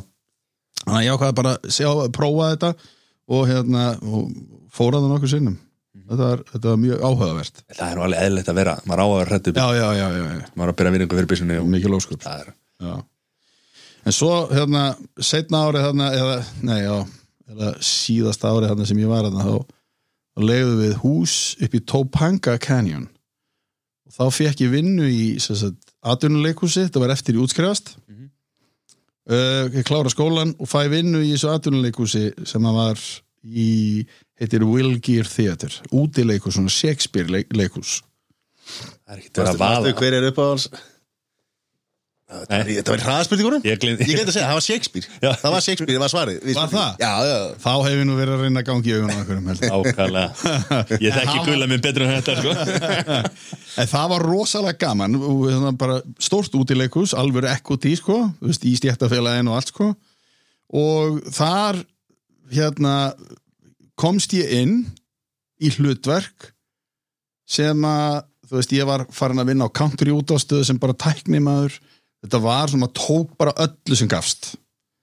Í gegnum hérna, plötusnú sem ég kynntist þegar ég var á Kiss FM og hann sérst, var með svona country þátt og ég fekk bara að vera tæknumæður þar um helgar að senda út hérna rerun á þættinum sko. og svo var æfing á sunnudagsmotni og ég mæti á æfinguna ég er í, í á vakt frá, frá miðnætti 11 um kvöld til 6 um morgunin og svo keiri ég upp í Topanga bara rétt næma að fá mér að borða og fyrir beint á, á æfingu nýri leikhúsi klukkan 8 á sunnudagsmotni og þar hérna er ég komin inn og leikstjórin, hún Elengir horfir á mig og segir, heyrðu, já, þú ert komin en vissur það ekki að það er þín sena verður ekki tekin fyrir núna? Þannig að þú þurftir ekkert að mæta. Nei, ok, en þú þeir eru velkom að vera hérna þú vilt, ég segi, já. Þú var annar sem svaf yfir sig. Já, já, það er líkilatri að mæta sko. þá, þá var býtu, heyrðu, hvað er þessi? Hvað er Steve, hann er ekki mættur. Horfðun á mig, Gulli, þú staðsetur þetta. Var það bara Gully? Gully, Gully og þá átti ég sér að fara upp. Þetta var svona sena á móti hérna uh, skoska konginum eins og þetta er kallað hérna. Og uh, hann, sérst, hann, uh, hann kemur hlaupandi inn þessi sendibóði og segir honum að það sé verið að ráðast að kastalan og ég fer bakvið og hann er, veist, þetta er klukkan 8 á sunnudagsmatni og það menn eru ennþá með handriti, sko, er ekki búin að læra textana, svo hann kemur og þau eru að spá í hvað, hvað er þau að lappa um og hvað er það hann að stoppa þarna en að segja þetta og svo framins svo kemur að, sagt, að mér og ég kem inn og það er, sko, ekkert verið að slá af. Ég bara ákvað að taka þetta og ég gaf í.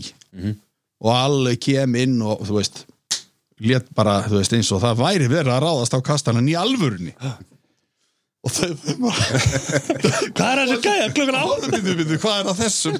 Og, og, og, og ég kem inn og er með handritið og eitthvað og bylla eitthvað og þú veist, fyrir með texta línun á mótorum og hann sparkar í mig og byrjar að, og allar hótar að drepa mig og eitthvað. Svo hérna gerum við þetta nokkru sinnum og ég kem alltaf aftur inn og aftur inn og hleypa inn sko.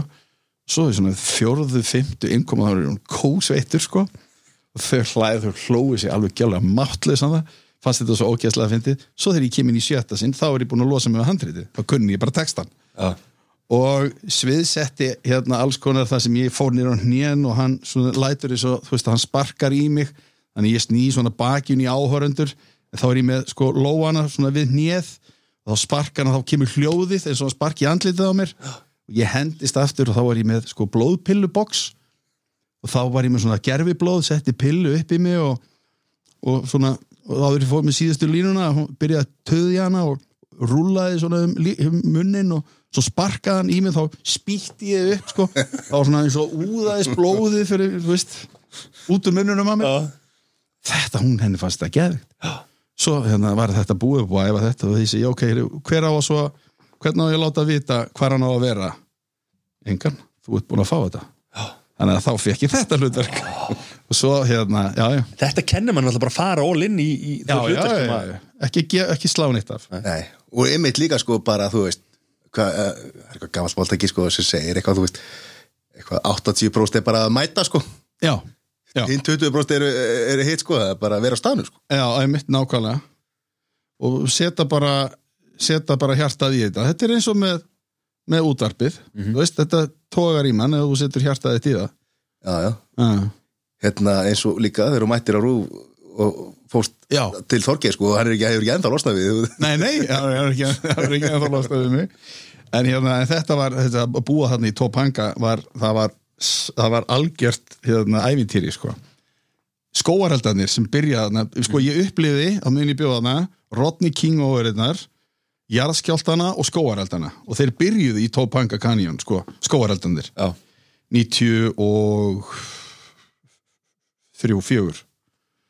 Uh, já, og hérna og ég er í sko viðtali við eitthvað umbóðskrifstofu þegar ég set frammi og heyri bara að það sé byrja að kvikni í Topanga. Byrja að segja að konan á símanum og ég stend upp og segi byrju, hvað sagður það er bara skóareldur í Topanga. Ég segi, heyrðu, svona minn er á leikskóla þar og sagði, drifði, drifði, ég reddaður öðrum tíma. Bara farðu, farðu, farðu. Og ég út og kerði og þá var allt orðið komið í reik sko, en þá sem betur fyrir þá fór það ekki fram í húsinu okkar, það fór yfir hæðin og yfir í Malibu. En, en þetta var svakalegu tími og þarna uh, við hliðin á okkur bjó uh, ja, og býr ennþá með þess að hérna, Lisa Bonet sem var í Cosby Show fyrirverandi Lenny Kravitz. Mamma Zoe Kravitz.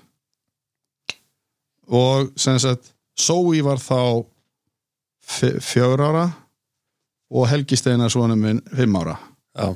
þannig að þau voru að leika sér saman og Lísa Bónei var alltaf að koma yfir sko, ef hún var að flýta sér eitthvað að fara eitthvað fund þá fekk hún, að ég var svolítið mikið heima á þessum tíma og þá hérna fekk hún uh, hérna, þá passaði ég sem sagt Zoe Já, já.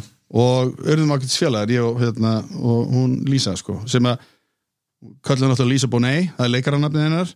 Og hún var komin á og þá veist að eins og við sagðum Gulli, hæ, ekki kalla mig Lísi, ég heiti Lille Quai Já, ok. hún heiti Lille Quai Moon. Pappin er frá Hawaii. Hún heiti það. Og þannig að þú veist, það bara kallum hann að Lille Quai Pælið sem er. mm, já, svo hérna Súrealist náttúrulega. Sú, þetta var rosalega Það súrjalist var hérna, var Kravits ekkert með einhverja hálsklúta þarna sníklaðast um nei, það voru ný skilin þarna þarna voru ný skilin Þú skildi út af þeirra. uh, Það var aðbrísami. Ef ég heyr. Þetta er bara mínir heimildamenn. Nei, svo eftir skóaraldana þegar þeir voru gengnir yfir þá kemur allt í einu hérna siti út, ég er eitthvað fyrir utan ég er að vökva garðin og eitthvað grasi þetta var svona lítið gestahús sem við leiðum kemur eld gamall eða ekki eld, já, gamall Volvo og keirandi niður götuna og svo maður, eldri maður sem skrúa niður rúðuna excuse me, og það Gregory Peck. Já. bara boys from Brazil. Og hérna og ég horfði bara, vá, ok.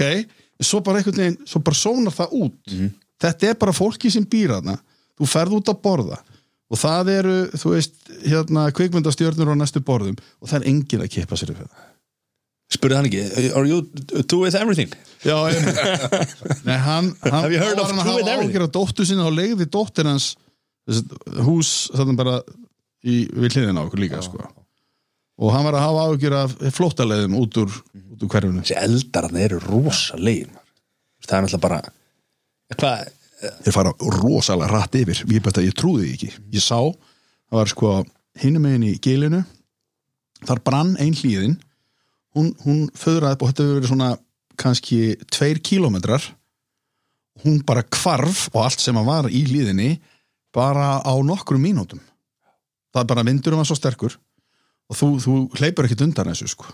Það er Það er allt þurrt. hvað er við með að keira undan. Það fer svo rætt yfir sko. Er allt þurrt Allt vindar. Já, svo þegar þetta er búið, þetta er farið yfir og einu, dý, einu dýrin sem líf, lifa þetta af eru skröldarmannir. Jaha, Þá koma þeir upp. Halló, hér eru við. komast þeir bara svo langt niður Já, þeir bara bóra sér bara onni, þeir bara fara onni í jörðina og skilst rottur líka mís eitthvað en allavega, þú veist, þá er eitthvað að geta fyrir skröldarmanna en þá fara þeir að leita í, í hýbílimanna svona, eftir mat, sko. Gotta love them maður. Hérna, jarðskjáltatir var það ekki, var það ekki 94 stóru Jú, það skjáltatir getur, það getur passað, jú. það, það er náttúrulega var sjö eða sex já, sjö ári eftir. Þetta hefur ekki verið smá það var svakalegt sko. Vera þarna á, á þessu, þessu tímabili. Já. það hérna gerist á nóttu til og er það kvöld, já, kvöldi og eða nóttu, það var komið nótt og ég, eina sem ég man bara ég sá bara gablin á húsinu hann var sko alveg við það húsi gekk bara til, þetta var timburhús og það gekk fram og tilbaka. Og hérna mér fannst gablin vera detta yfir, yfir okkur sko. En, en hérna þetta er alveg svaheldur sko. Jarðskjálta þarna er öðruvísi heldur en hér. Og það er, hefur eitthvað með misgengið eða eitthvað þú veist að gera. Þarna er það eins og þú sért á sko bát eða í öldugangi. Að því að sko og hljóði sem fylgir er, er sko er, það eru einhvern veginn meiri drunur þarna heldur en hér hérna er þetta svolítið mikið að bara keiri bíl á húsið. En þarna var það þarna, og það, það aldrei að hætta. Mann finnst það skilur það ge- stendur kannski yfir í einhverja já, 15 sekundur sko 20 sekundur sem er rosa mikið Já, en ég- samt náttúrulega ekki. Já, ég meina þá veist að hrundu hús til grunna bara í, í tvekja kilometra fjarlæð frá okkur sko. Já.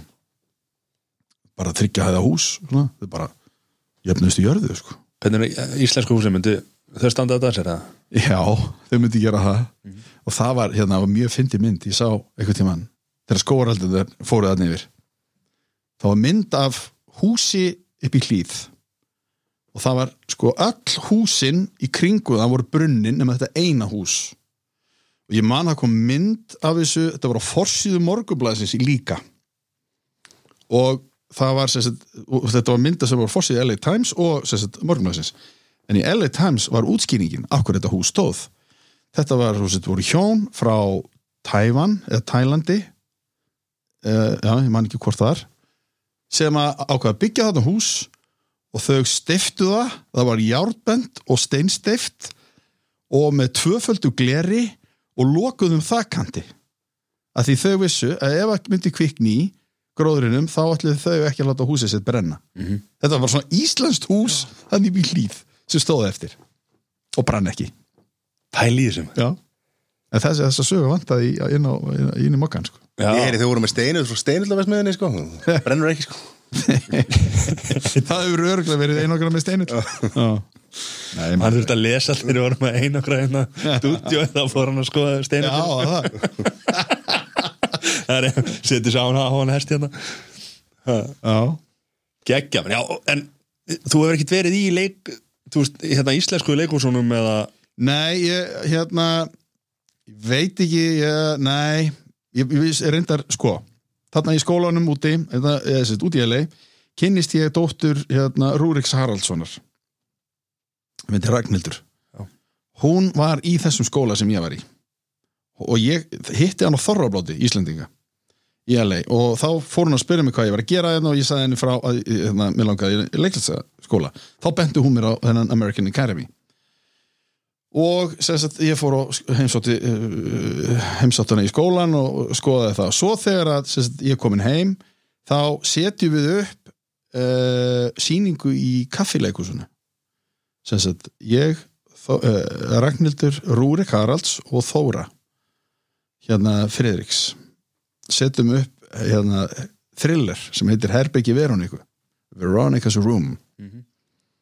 Og það var síning sem gekk held ég bara fyrir fullu húsi í einhverjar uh, 25-30 síningar sko, sem það þykir nú svolítið mikið þar.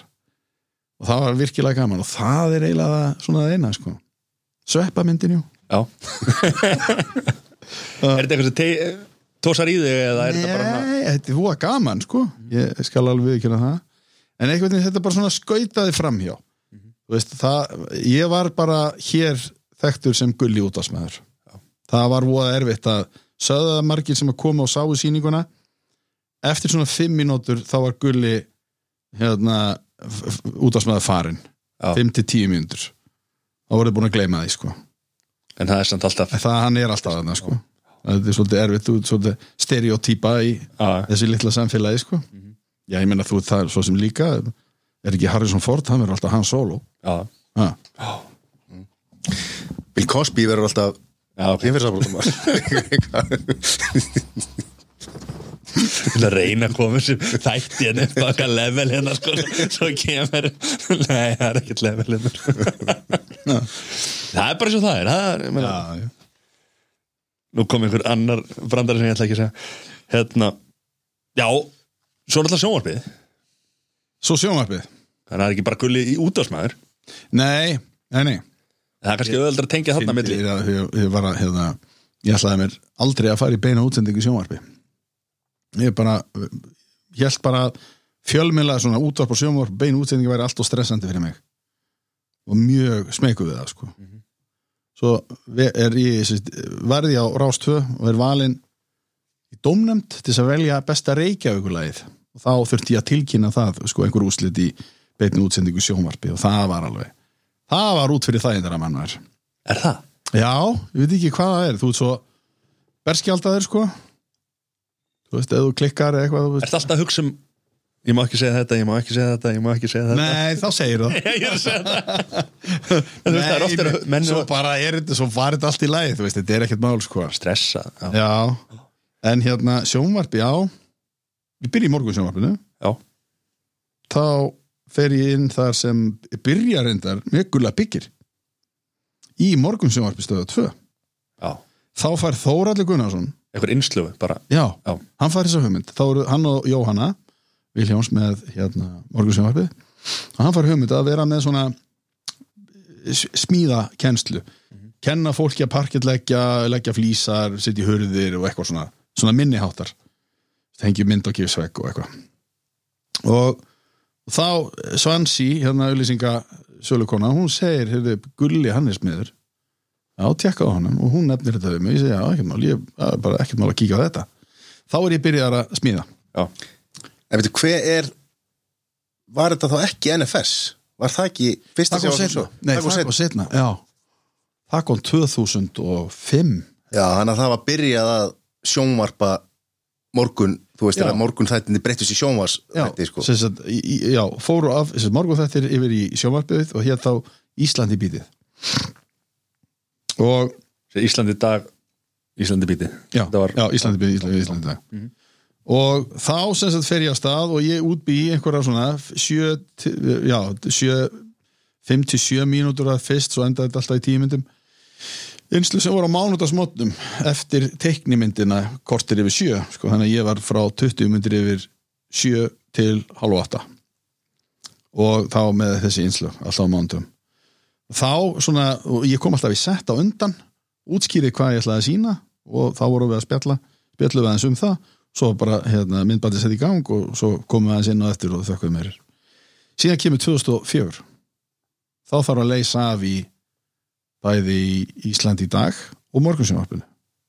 Byrjaði í morgunsjónvarpinu, þá fer ég inn leysi af, þá er Heimir Kals og Ingalind Já, með morgunsjónvarpið. Og ég kem inn annað hvert mánuð, nei á hverju mánudegi, leysi heimi af annað hvert mánudag og, og hinn Ingulind og hérna og er þess að smíða bara með þessu. Bara ekstra út í bæ. Og hérna e, síðan kemur sömarið og þá þarf að leysa af. Þá fer ég þar inn og með þess að leysi af líka í Ísland í, í dag sko, kvöldþættinni. Og tímabili var ég bæða mótana og kvöldin. Og smíða milli Nei, þá var ég nú reyndar ekki, þá, þá parkeraði því, sko. Þá var ég bara, hérna, þá var ég bara einirki, sko, og tók, valdi bara verk eftir því hvað ég var að gera þeim einn, sko. Fyrst er ekki erfitt að set, þú ert að reyna að byggja þitt brand upp Jú. sem smiður Já. og fyrirtæki Já. þú hefur verið með menni vinnu Já, já, já, já. hvernig er að jögla þessu og, og segja nei við einhver verkum að því að já. Var gulli með menn í vinnu þetta starfsmannaleguna nei, það var ekki það Var ekki Misjá það þú lest bara um það í einhverju lögfræði blaði sko. það er ekki Jú, það, þetta var náttúrulega og er pínlítið en þá, sko, eða þannig, sko, þú veist, hva, hvar viltu vera, sko, þú, þú veist, ég prófaði það að vera í bítinu, vera með verk út í bæ og vera að gera sjómanstætti líka. Mhm. Það var bara ekki að ganga. Veist, ég var aldrei mættur fyrir en 11, þá voru, var ég sem með aðra til þess að mæta klukkan 8 og starta hlutum og svona. En, en þegar að hvað mest var að gera 2005, 6, 7, 8 þá þá hérna var ég ekki í fjölmjölum ekki nema kannski þá um helgar var er hæðin? á ha, hvernig er hæðin? Hæðin er 2008 Já, eftir þetta tímabil hana Nei, já, já, Þessi- er í lokin bara á- á- á henni. já, ok, já, hún er eiginlega sko, í, í hrjun árinu sætla minningar. Já, þá er ég 2008 þá er ég með tímasvinu þá er ég, ég var aðalega að breyta búðum. Ég var aðalega að breyta búðum fyrir NTC þessi 17 Mhm. Björs og Svöfu og, og fyrir Haga. Já. fatabúðinir Mhm. og þá var ég sem sagt, já, sem sagt, bæ, menn bæði upp í Kringlu og upp í Smáralind og gera hæðin á saman tíma. Já. og var, þannig að en áður en að þetta er þannig að þú tókstu pásu bara í fjölmjölum og varst að einbytnaði bara að já, já, hérna. og svo, svona dagtíma fjölmjölum já. já.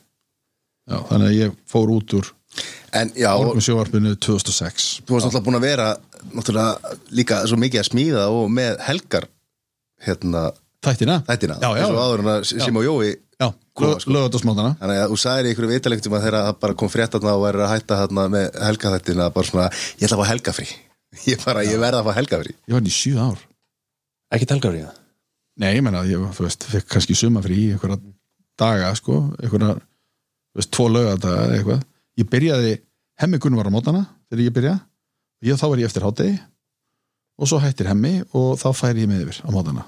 Þann- þannig að fyrir og eftir hádegi var ég í sjö ár. Já, að það það verður svolítið þreytandi til lengtar Mhm. en það var rosalega gaman Já. hafði alveg óbúslega gaman að þessu sko. það er svona, eins og þú sagðir það tógar alltaf í mann, þess vegna er ágætt sko að tappa af sér öru kóru bara í svona, þú veist hérna, eh, smávinnu með í, í þessum útars Mhm. í sem fjölmjöla gera sko. dreifa huganum og gera Já, það aðeins það er mjög gott að, að þú veist eins og þegar ég var, þú veist, á mótnana og svo fór ég út og fór að vinna bara með fólki út í bæ ekki alveg, þú veist, þú hérna, þú druknar ekki í bara heimi fjölmjöla manna eh, og kvenna, sko, heldur, heldur ertu úti með, með fólkinu bara tengist raunveruleika sko. já, já, já. Bara eh, Já, ég segi, fjölmjöla fólki getur alveg verið sko, í, raunveruleikanum sko. einhver sagði við mig já, þetta er sniðið til að ég öfunda þig. Þetta var fjölmjöla maður sko. Já. þá ferðu út og að vinna með alvöru, með alvöru fólki. Sér hvernig hjól aðbyrlýsis snúast.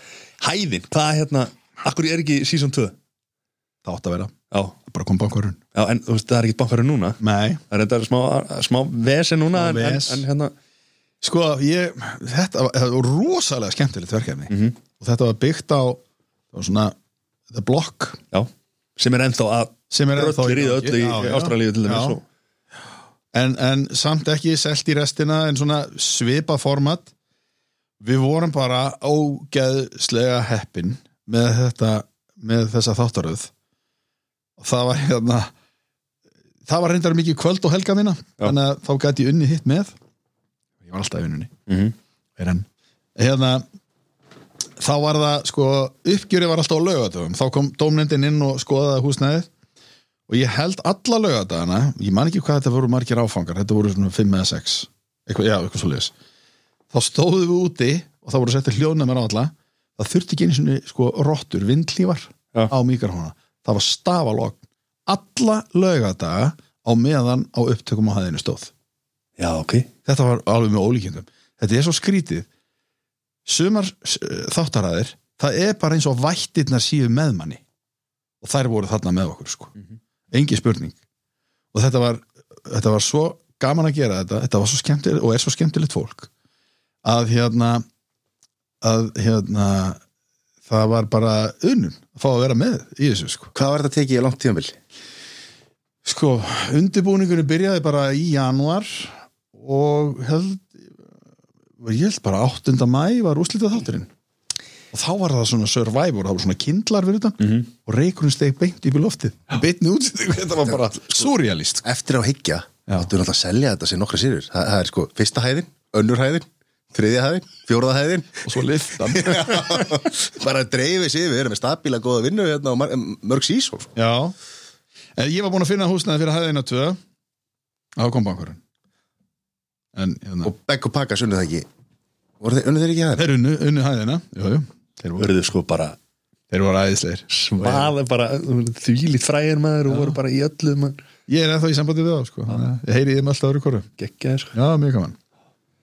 En upp af að gulli byggir set, Það byrjaði innslögum hana Já, Og svo, svo, já, svo gerist það. Það er nú saga að segja frá því sko. ég fæ þessa hugmynd síðan að gera sjónvastætti og geri með þess að pröfu innslag þar sem ég fer heim til sveppa og að hjálpa honum með eitthvað parkettlista sem eru búin að vera í vandræða með í mörg ár. Heima hjá. ekki á óvart sko. Nei, að, að það var nefnilega ekki skrítið það var svona, svona bógavekur Já, og við förum og gerum pröfu og, hérna, og ég sendi sýnið þetta upp á stöðu 2 og ég öðum líst okkislega vel á þetta og svo gerist ekkert, svo bara held ég áfram og svo erum við hérna, ég og Hrafnildur Gunnarsdóttir sem er með Krummafilms já, hún gerði hæðina. Mhm. upp úr því fórum við að, að svona spá í þetta sko. Svo ringir hún í mig eitthvað tíman og segir hérna, til ég að koma aðeins og gefa mér ráð, þá er hún að fara að gera upp uh, kjallarann í húsinu sínu. Eða húsið sitt, já. Út á Nesvegi. Ég fer að skoða þetta, hún ætlar að gera þetta og þetta og ég segi, heyrðu, þetta er engin spurning, gerum bara sjónvastallum þetta. Og svo fyrir við að hugsa það og svo enda með því við seljum rúf þessa hugmynd og byrjum á þessu og þetta var algjört hitt sló þvílíkt í gegn. Ég man tölur sem ég sá áhorstölur fréttinnar voru með 30% áhorf við vorum með 36 já, ok. Það er í efsta sæti sko já. og þar fór þetta stað og gerðum sex þætti held ég, sex frekar en sjö þætti þar. Og síðan aftur árið eftir. En var það fyrsta serían sem varst, að kom ekki gaggrin upp á það að var ekki hérna, varst ekki með hjálm eða varst eitthvað, Já, nei, það var í þáttarað 2 það er þáttur að tvö já, Nei, það, nei þáttarað 1 glimti að sækjum leifi fyrir breytingunum. Já.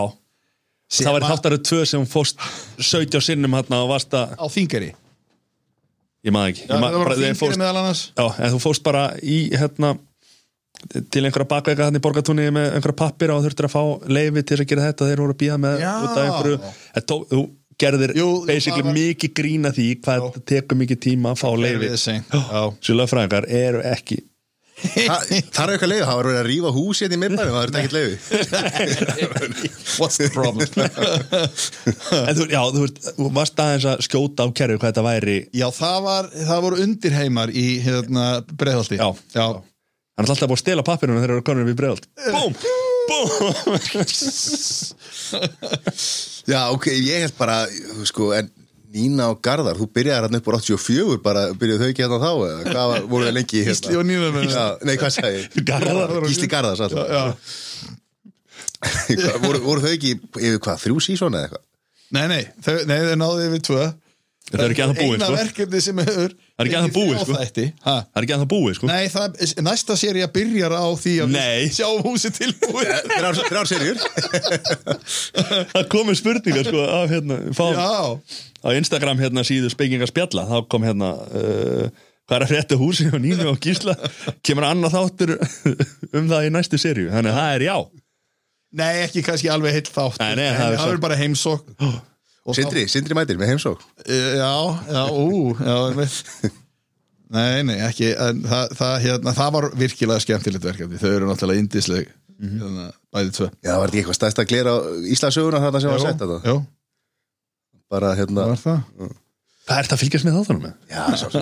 Jókurinn En hérna, já, af því að fyrir nokkrum ára síðan þá kom einmitt sko komu hugmyndir Mm. af, af gullaþáttum því að Twitter er náttúrulega hérna, það fyrir allir að vera gantast. Það kom hérna það er eitt sem að segir þetta hugmynda skemmtilegum sjó, sjónvarsætti Gulli tortryggir. Gulli Helga setur fram áhuga að vera samsæriskenningar. Svo er það Gulli styggir. Gulli Helga situr í kommentarkerfum og eitrar alla umræðu með anstiðakommentum og svo kemur annar bæti við það Gulli styggir, Gulli Helga fyrir dýrakar og bögga dýrin. Og svo Gulli hryggir Gulli Helga tilkynna aðstændum um andlátt fjölskyldum meðlima. Gulli verðtryggir. Gulli Helga tekur stjórnum á íbúður á sjóðum Gulli vátryggir. Gulli Helga sést í stjórn tryggingamistöðunar og svo var að síðast að Gulli gulltryggir Gulli Helga kemur inn sem varamæður 83 mínútu og skora fjóruða marki í örugum fjögur eitt sigri. En þetta er fullt af hugmyndum um, um góðan þátt Hvar var þetta? Þetta var á Twitter einhvern veginn já, 2017 grínstæðan Það er ekki hægt að hlusta á þetta Twitter Ég er að fara gulli, gulli vátryggir Þú fer í stjórn tryggingamistöður Já, það er náttúrulega, Það væri, það væri eitthvað. Fer aðeins og tekur til í þessum tryggingabrasaðana Það er ekki maður. Það er góð Aftur Hvað er að sko? Ég fannst það bara að setja Ég var að setja þetta Já, en má ég segja ykkur aðeins einu? Að því þau voru að spila hvernig þetta var til. En þetta þáttur í- okkar sko Já, já, ég, ég, ég, nú ætti ég að fá að taka þetta aðeins yfir. Að Því það var svolítið, það var svolítið fyndi atrið ég, Sko, við erum sérst, Ég er í tíu ár að reyna að koma gu- þáttunum gulli byggir á, á, hérna, í framlöslu, eða sérst, inn á einhverja sjómanstöð og ég er sérst búin að vera hérna, að pizza þetta upp á stöð 2 og þeir svona, mm, já, ok, já eitthvað, hum og ha gerist ekki neitt, ég nenni ekki svo liðs umræðið, bara annarkvort eða já, eða nei. Svo erum við ég og Karola uh, Karola fær þessa hugmynd að, sem, sem hringdi símarækina fyrir tvo með að gera grín þætti gera svona sketsa þætti. Og, og hún hóar í Gísla Rúnar. Og þau byrja að svona skrifa og, og pæla og koma með eitthvað hugmyndir og hún dregur svo mig með inn í þetta verkefni sem, sem framleganda og ég sagt fer með, við gerum hérna demo. Nei, ég, ég fer upp á rúf hitti Sýrúni Stefáns og hún segir já það verður eiginlega sko þú verður eiginlega að koma með sýnisotn þú verður eiginlega að koma með demo. Svo við förum, tökum upp eina helgi, einhver nokkra sketsa og förum með spólunum upp á rúf og þegar ég er, sérst, er að pizza þessari hugmynd þá segi ég við Sigrunu hérna, svo er önnur hérna, nokkur ára gömul hugmynd sem er langar að sína það líka sem gulli byggir. Og ég rétt inn í þetta og hún segir hvað er þetta? Þetta er þessi hugmynd sem ég er búin að vera með í maðurum í mörg ár. Að hérna, vera með svona smíða þætti, að fylgjast með fólki sem er að gera upp íbúðir og, og veist, svona pínlítið svona kennslu element inn í því. Og hún byrjar að fletta og lesa þetta yfir og segir þetta er algjörlega briljant gerum þetta. Og ég bara, aha, heyrði ég eitthvað vittlust eða? Nei, þetta er æðislegt þá kom það fram, kom það í ljós að hún er svona yðnaðamör Já. Og bróður hennar er rafvirki og hún er komin að yðnaðamönnum sjálf og, og hérna og hún skipti bara eldhúsun út heima hjá sér sjálf.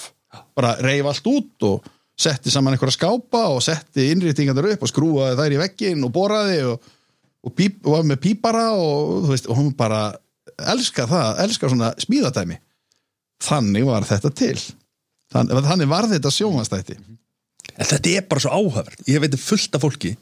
Ég horfa á þess að þætti að ég hef áhugað yðnaði og er gaman að ég að hérna, yðnaðast og eitthvað svona. Mm. Svo er bara líka fullt af fólki sem horfir á þetta bara því að þetta er aðþreying og þetta er þetta, höfða til svo margra sko. þetta gerir það, sko, og það er dramatík í þessu, það er vesen. Það er vandræði, fólk er að lendi í alls konar vandræðum. Bæði, það kann ekki að gera það sem það ætlar að gera. Það á, á, hefur ekki efna á þessu og veist, og það er það verður, það verður pyrra út í hvort annað. Í svona í þessum raunveruleika sjónastáttum en það sem er element í þessu að þetta er svona Disney endir. Þetta yfirleitt endar vel. Stundu þrjá serjur stundu þrjá serjur þrý þættir um samanverkið. Eh, fer það í töðum Nei, alls ekki. Nei, ok. Bara tjóka. og hérna og, og þú veist, og svo sérðu allt fyrir og eftir og allt er bara tilbúið og flott og fólki er opaslega þreytt og bugað en, en opaslega glatt. Þetta er hérna Það kemur eins og við talum að að full klára verk. Klára borðið, smíða borðið sérð. Já. og svo er náttúrulega fólk svo hérna forvitið svo er það. Ég held líka fólk sé líka að hérna, leita hugmynd. Skil, þú veist, bara hérna eins og Fræðsla. eins og í Gep- hérna, eða, ég held að vera á á höfn, í hafnir hérna held að vera þar veist það sem að áttu eitthvað að spá hvort þetta hérna, þú veist það búið mikla hérna og hvort áttu að eitthvað að flýsalegja en svo bara, herri, nei, við skulum dúkalegja Já, þetta þú veist, í staðin fyrir flýsarnar þú veist, eitthvað timbrús eða eitthvað svona sko, þú veist, og fólk er að leita lausnum og hugmyndum sem að vil kannski er að fara í breytingar og ég maður sér það eins og það er eitthvað síða á Facebook sem heitir skreitum hús. Já, og það er þegar fólk setur inn fyrir og eftirmyndi þar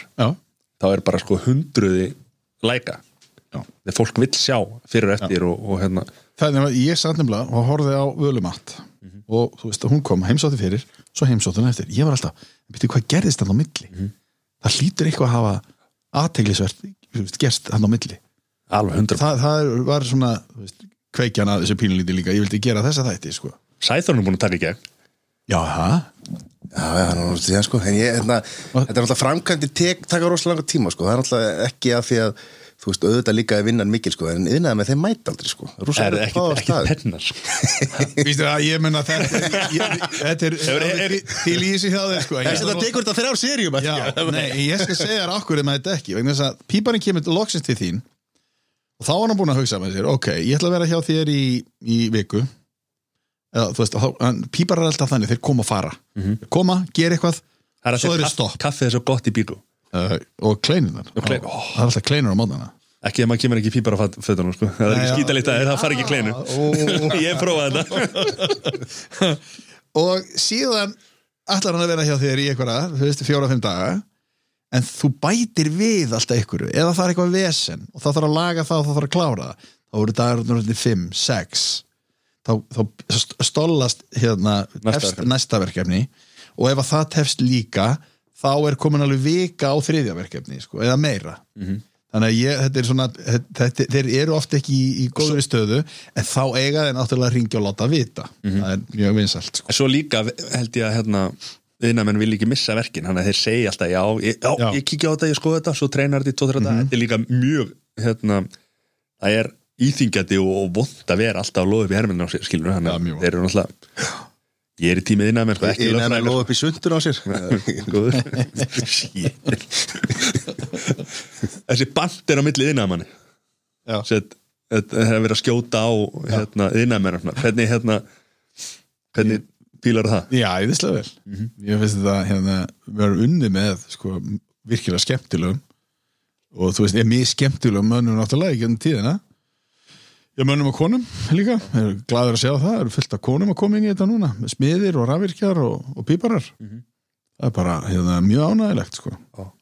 þetta er, þetta er svona kaffihúsa hérna stemningin sko, kaffiskúra húmórin mála yfir tenglana maður og, eða vírana svo. Já, þú meinar. Já, er já æðislegt, svoleiðis. Alls konar eitthvað. Og svo bara nægir smiðurinn græðir þetta bara man. ég er ekki í mínu verkarhinga Æ, er það er náttúrulega gengur ekki lag. Rafvirkir alltaf bara inni skóm og eitthvað sko. Það eru ekki svo stáltá? Það er er alltaf með lélega tröppur líka. Já. Já, og málar Nei, ekki málar, alltaf, alltaf, Og alltaf með trétröp, þungar trétröp Já, það eru bara málarar sem eiga peningar peningar sko. 250 litir, steppi málari, hann er flottur.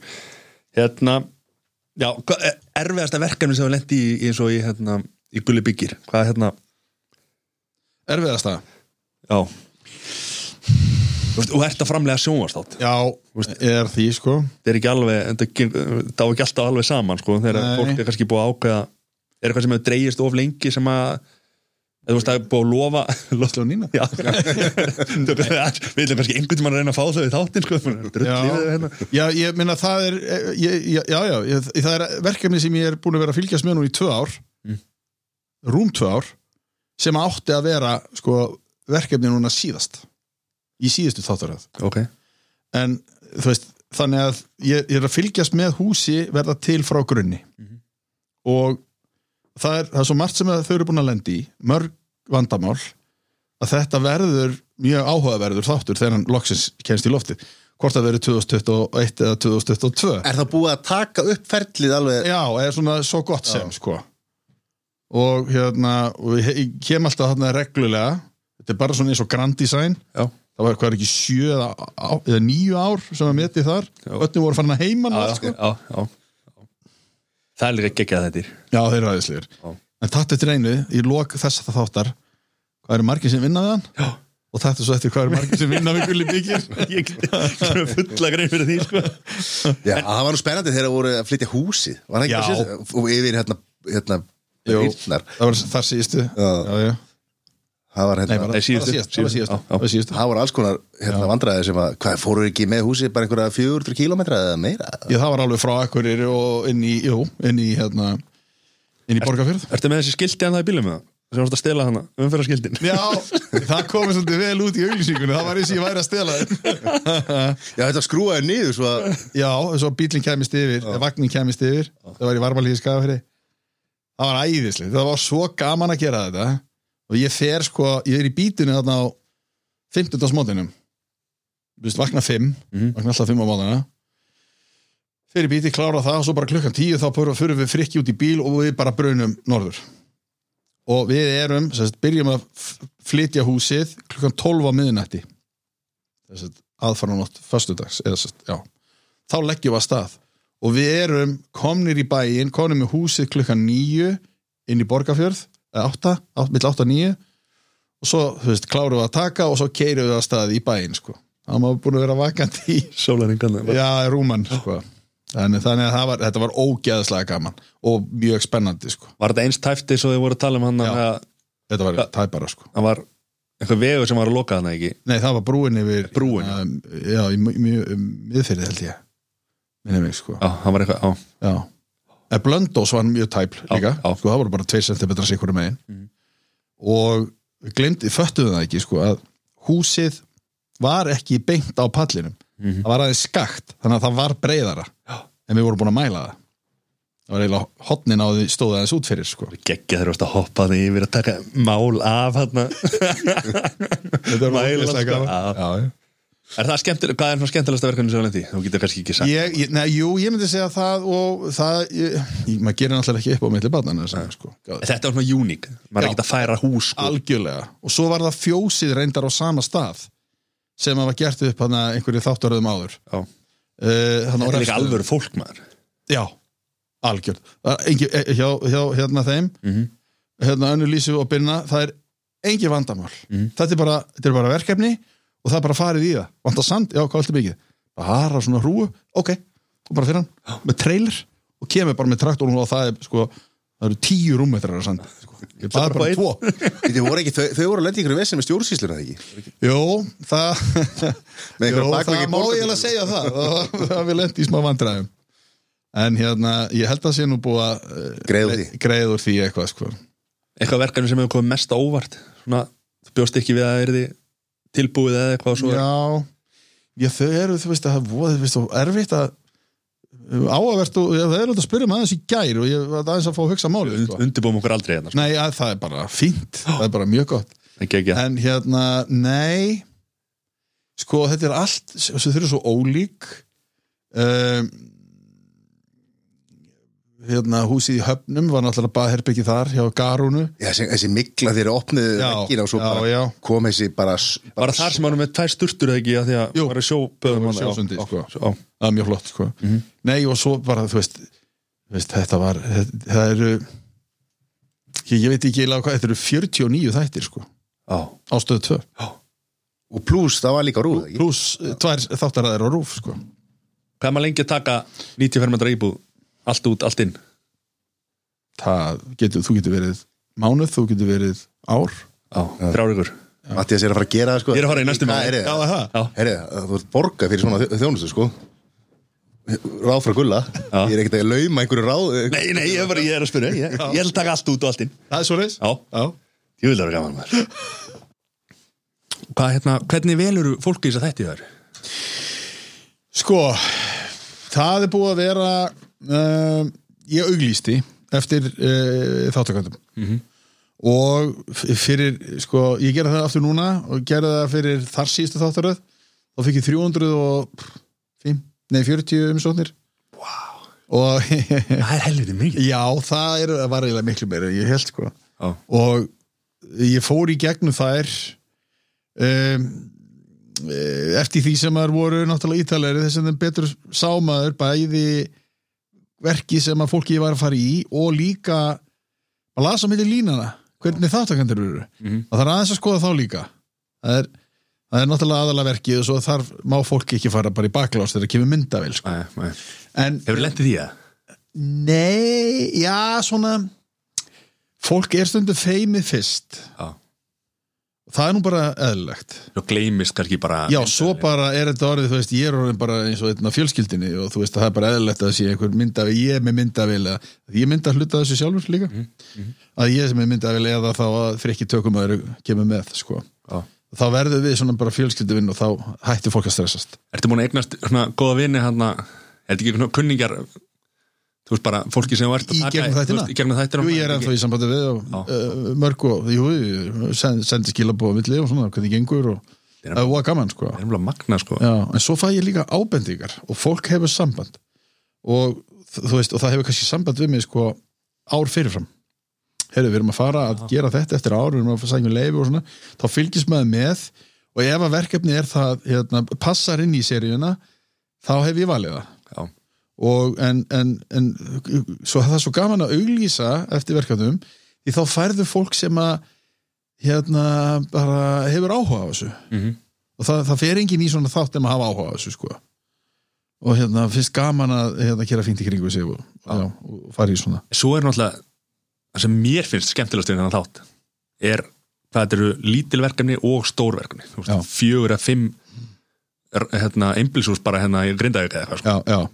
Það er rosa stórt verkefni. Ég, ég er svona að reyna að halda ég, ég er á bremsinu með sjálfa mig sko, því mér langar alltaf að fara út í og þú veist, núna er ég til dæmis ég er að, búin að vera að fylgjast með uh, hjónum í tvö ár. Ég veit ekki eins og hvort ég náið inn í 21 seríuna sko. Það getur vel verið að þetta verið fjögrar verkefni sem fer inn í Gulli byggir 2022 Já, og ég er byrjaður að fylgjast með öðru verki þar. Já ok. 2022 þannig að þetta er svona drauma staðan að geta verið að fylgja eftir hérna e, veist, verið að fylgja fólki eftir í nokkur ár. Mhm. í staðan verið, en að vera líka með eins og þú segir, litlu baðherbyggin Já, hérna, eina geimslu, eitt þvottahús og með sko. Því að fólk er í hugleðingu með allt þetta já, sko. já, já, og eins og segir, ég meina það er ekki allir að byggja einbilsús nei. Eða hvað þá taki gegn heilt hús. Já, það er ekki allir sem að myndi vilja það eða, eða, hérna, eða byggja útsýnuspall eða byggja útsýnspall utan í bólafelli það verður á næsta ári. Já. það verður 2021 Já, það er 21 Já. já, hann verður tilbúið næsta sömar já. hérna. Þetta er alveg rosalegt sko. En, en núna ertu búin að setja upp þess að þáttaröð sem er Nei, ég er í því bara þessa dagana. Já. Ég er bara að klára að skoða síðustu og hafa sí, samband við hérna, þá sem sóttu. Það var náttúrulega skilafræstir rann út bara sunn, á núna, Já. síðasta sundag Já, og hérna þannig að, það að koma margir. Manstu? Uh, það? það, ég, ég er bara ekki bara svona að telja það en ég er búin að uh, svona, skrolla í gegnum stóran hluta að þeim sko. Og hérna, það komur rosalega margir bara um helgina. Já, ok. Þannig að hérna, sem ég áttur að kíkja á. Er margir sem eru svona stressaðar að gera þetta eða gera þetta ekki, vil ekki. Já, veist, ég veit ekki Já, þú veist, já, það er, þetta er bara svona oft er að bara, veist, ég veit ekki hvort þetta passar inn í já, þáttaröðina hjá þér en ég er að fara að gera þetta og þetta og hann er alltaf betra að fá myndir en, hérna, já. en svo sendi ég tilbaka áttu myndir á húsinu eða svæðinu sem alltaf að breyta þannig að ég sjái fyrir og eftir. Mhm. að það er líka að hafa pínlítið svoleiðis. Að það er að vera svolítið mikil kontrast Mhm. á því sko. Mm, þetta er alveg snilt maður. Já, ha. Þetta er, þetta er, þetta er aðeinslegt Hérna Nú ert þú festúlmaður Það komið spurningar frá gestum. Nú, Hvað, hérna, hvað, er, hvað er málið með þetta já, Gita, Vilóki, já Festúl. Þetta er bara svona eins og halda með káir eða val eða vikingi Er það ekki? Ég er pílítið stundum sko. Já, Ég, hérna, ég nota öll verkværi já, og hérna ég bara er í smá samstæri með festúl. Mhm. og lestinu auðlýsingar fyrir þá? Já, já, já, já, reyndar. Já, og hérna uh, þannig að ég sem sagt en ég, ég, ég, ég nota allt. Ég á fullt af dífalt verkvarum Mhm. ég, er með fullt af festúl. Mm festúlum finnst mér rosalega þægileg að vinna með. Þau eru einhvern veginn svona hugsuð út frá hérna svona, hvað ég var að segja sjónarhóli innaðamannsins Já. dívolt líka reyndar mörgum, mörgum stöðum sko. Þú veist, ég nota svona festúl og svo nota ég eitthvað annað. Já. hérna, en, en ég, ég er ekki einhvern veginn sko, Þetta er trúabröð hjá mörgum. Þetta svolítið er trúarbrögð og- stundum. Þetta er eins og Apple og Samsung. Píliði Já. já, já, Svo náttúrulega ef maður er koðin í eitt verkværi þá náttúrulega þegar batterín passa í Já, allt sko, þá er það. er það náttúrulega já. Það er náttúrulega agalegt að vera með kannski Makita stingsög og svo festúl og svo bæði batterín búin. Ég er alveg Makita maður. Oh, þú ert þar. Já, en svo eru reyndar ákveðu merkvari sem ég fara hann að horfa meira til bara 220 volt. Já, það er voða þægilegt. Eða þú veist, þá er þetta bara nei, þú veist, það er voða þægilegt að hafa batteri já, já, en oft er það þannig eins og sverðsægir Mhm. það er bara í 220 volt. Já. ég, er, er, er, kannski er það vegna þess að ég hef ekki prófað þessa nýjustu kynnslóð sem eru með þú veist, átjánet hvað er ekki, 24 á alltaf batteri bara? já, já, í þessum stóru eins og Milwaukee og þessum græðum það kannski virkar, mér varst bara batteri klárast á, þessum sversögum. Það er náttúrulega eftir hvað maður er að gera veist, það er náttúrulega ef þú ert í einhverju litlu verkefni sko, þá náttúrulega er þetta já, þú bara Æ, saga eitt rör. Já, en ef þú ert að saga niður fullt af veggjum Mhm. þá er eða betra að hafa já. Mm. Ég er bara samanlega þessu. Já, það ekki, Jú, en maður getur ég er mjög að að mér- þetta er virkilega flott, flott verkværi sko. Þetta er, svo, svo, það eru ákveðna tegundir sem eru bara svona má eiginlega segja á pari sko. Mhm. en svo er þetta bara spurningum sko, og svo er þetta töskunar að þær passi saman. Að þá ertu bara með þetta í sem blokk, er, er það blokkir eða hvað þetta er, Já, svo getur bara með- staflað þessu upp. Já, svo ertu bara með hérna, hjóladekk undir þessu og reynir þessu fram og tilbaka. Laður sem fram og tilbaka. Er aðeins Herru gulli minn, Já. það kellaði fyrir að koma. Herru, takk sem við leiðis bara gangi vel með hérna með þáttaröðina, hlaka Já. mikið til að horfa á þetta. Sömu leiðis, þið eruð að gera aldrei skoða hluti hérna. Og það er greinlega að þið hafið ógeðslega gaman að þessu. Já, Báðu tveir. Ástriða Ástriðan, það er nefnilega málið. Það er svolítið mikið eftir að hafa gaman að því að meiti vinnuna. Mhm. Það er það betra. Þetta er ekki vinna. Þetta er verkefni. Þetta er verkefni. Takk hjá fyrir. Takk sem við leiðis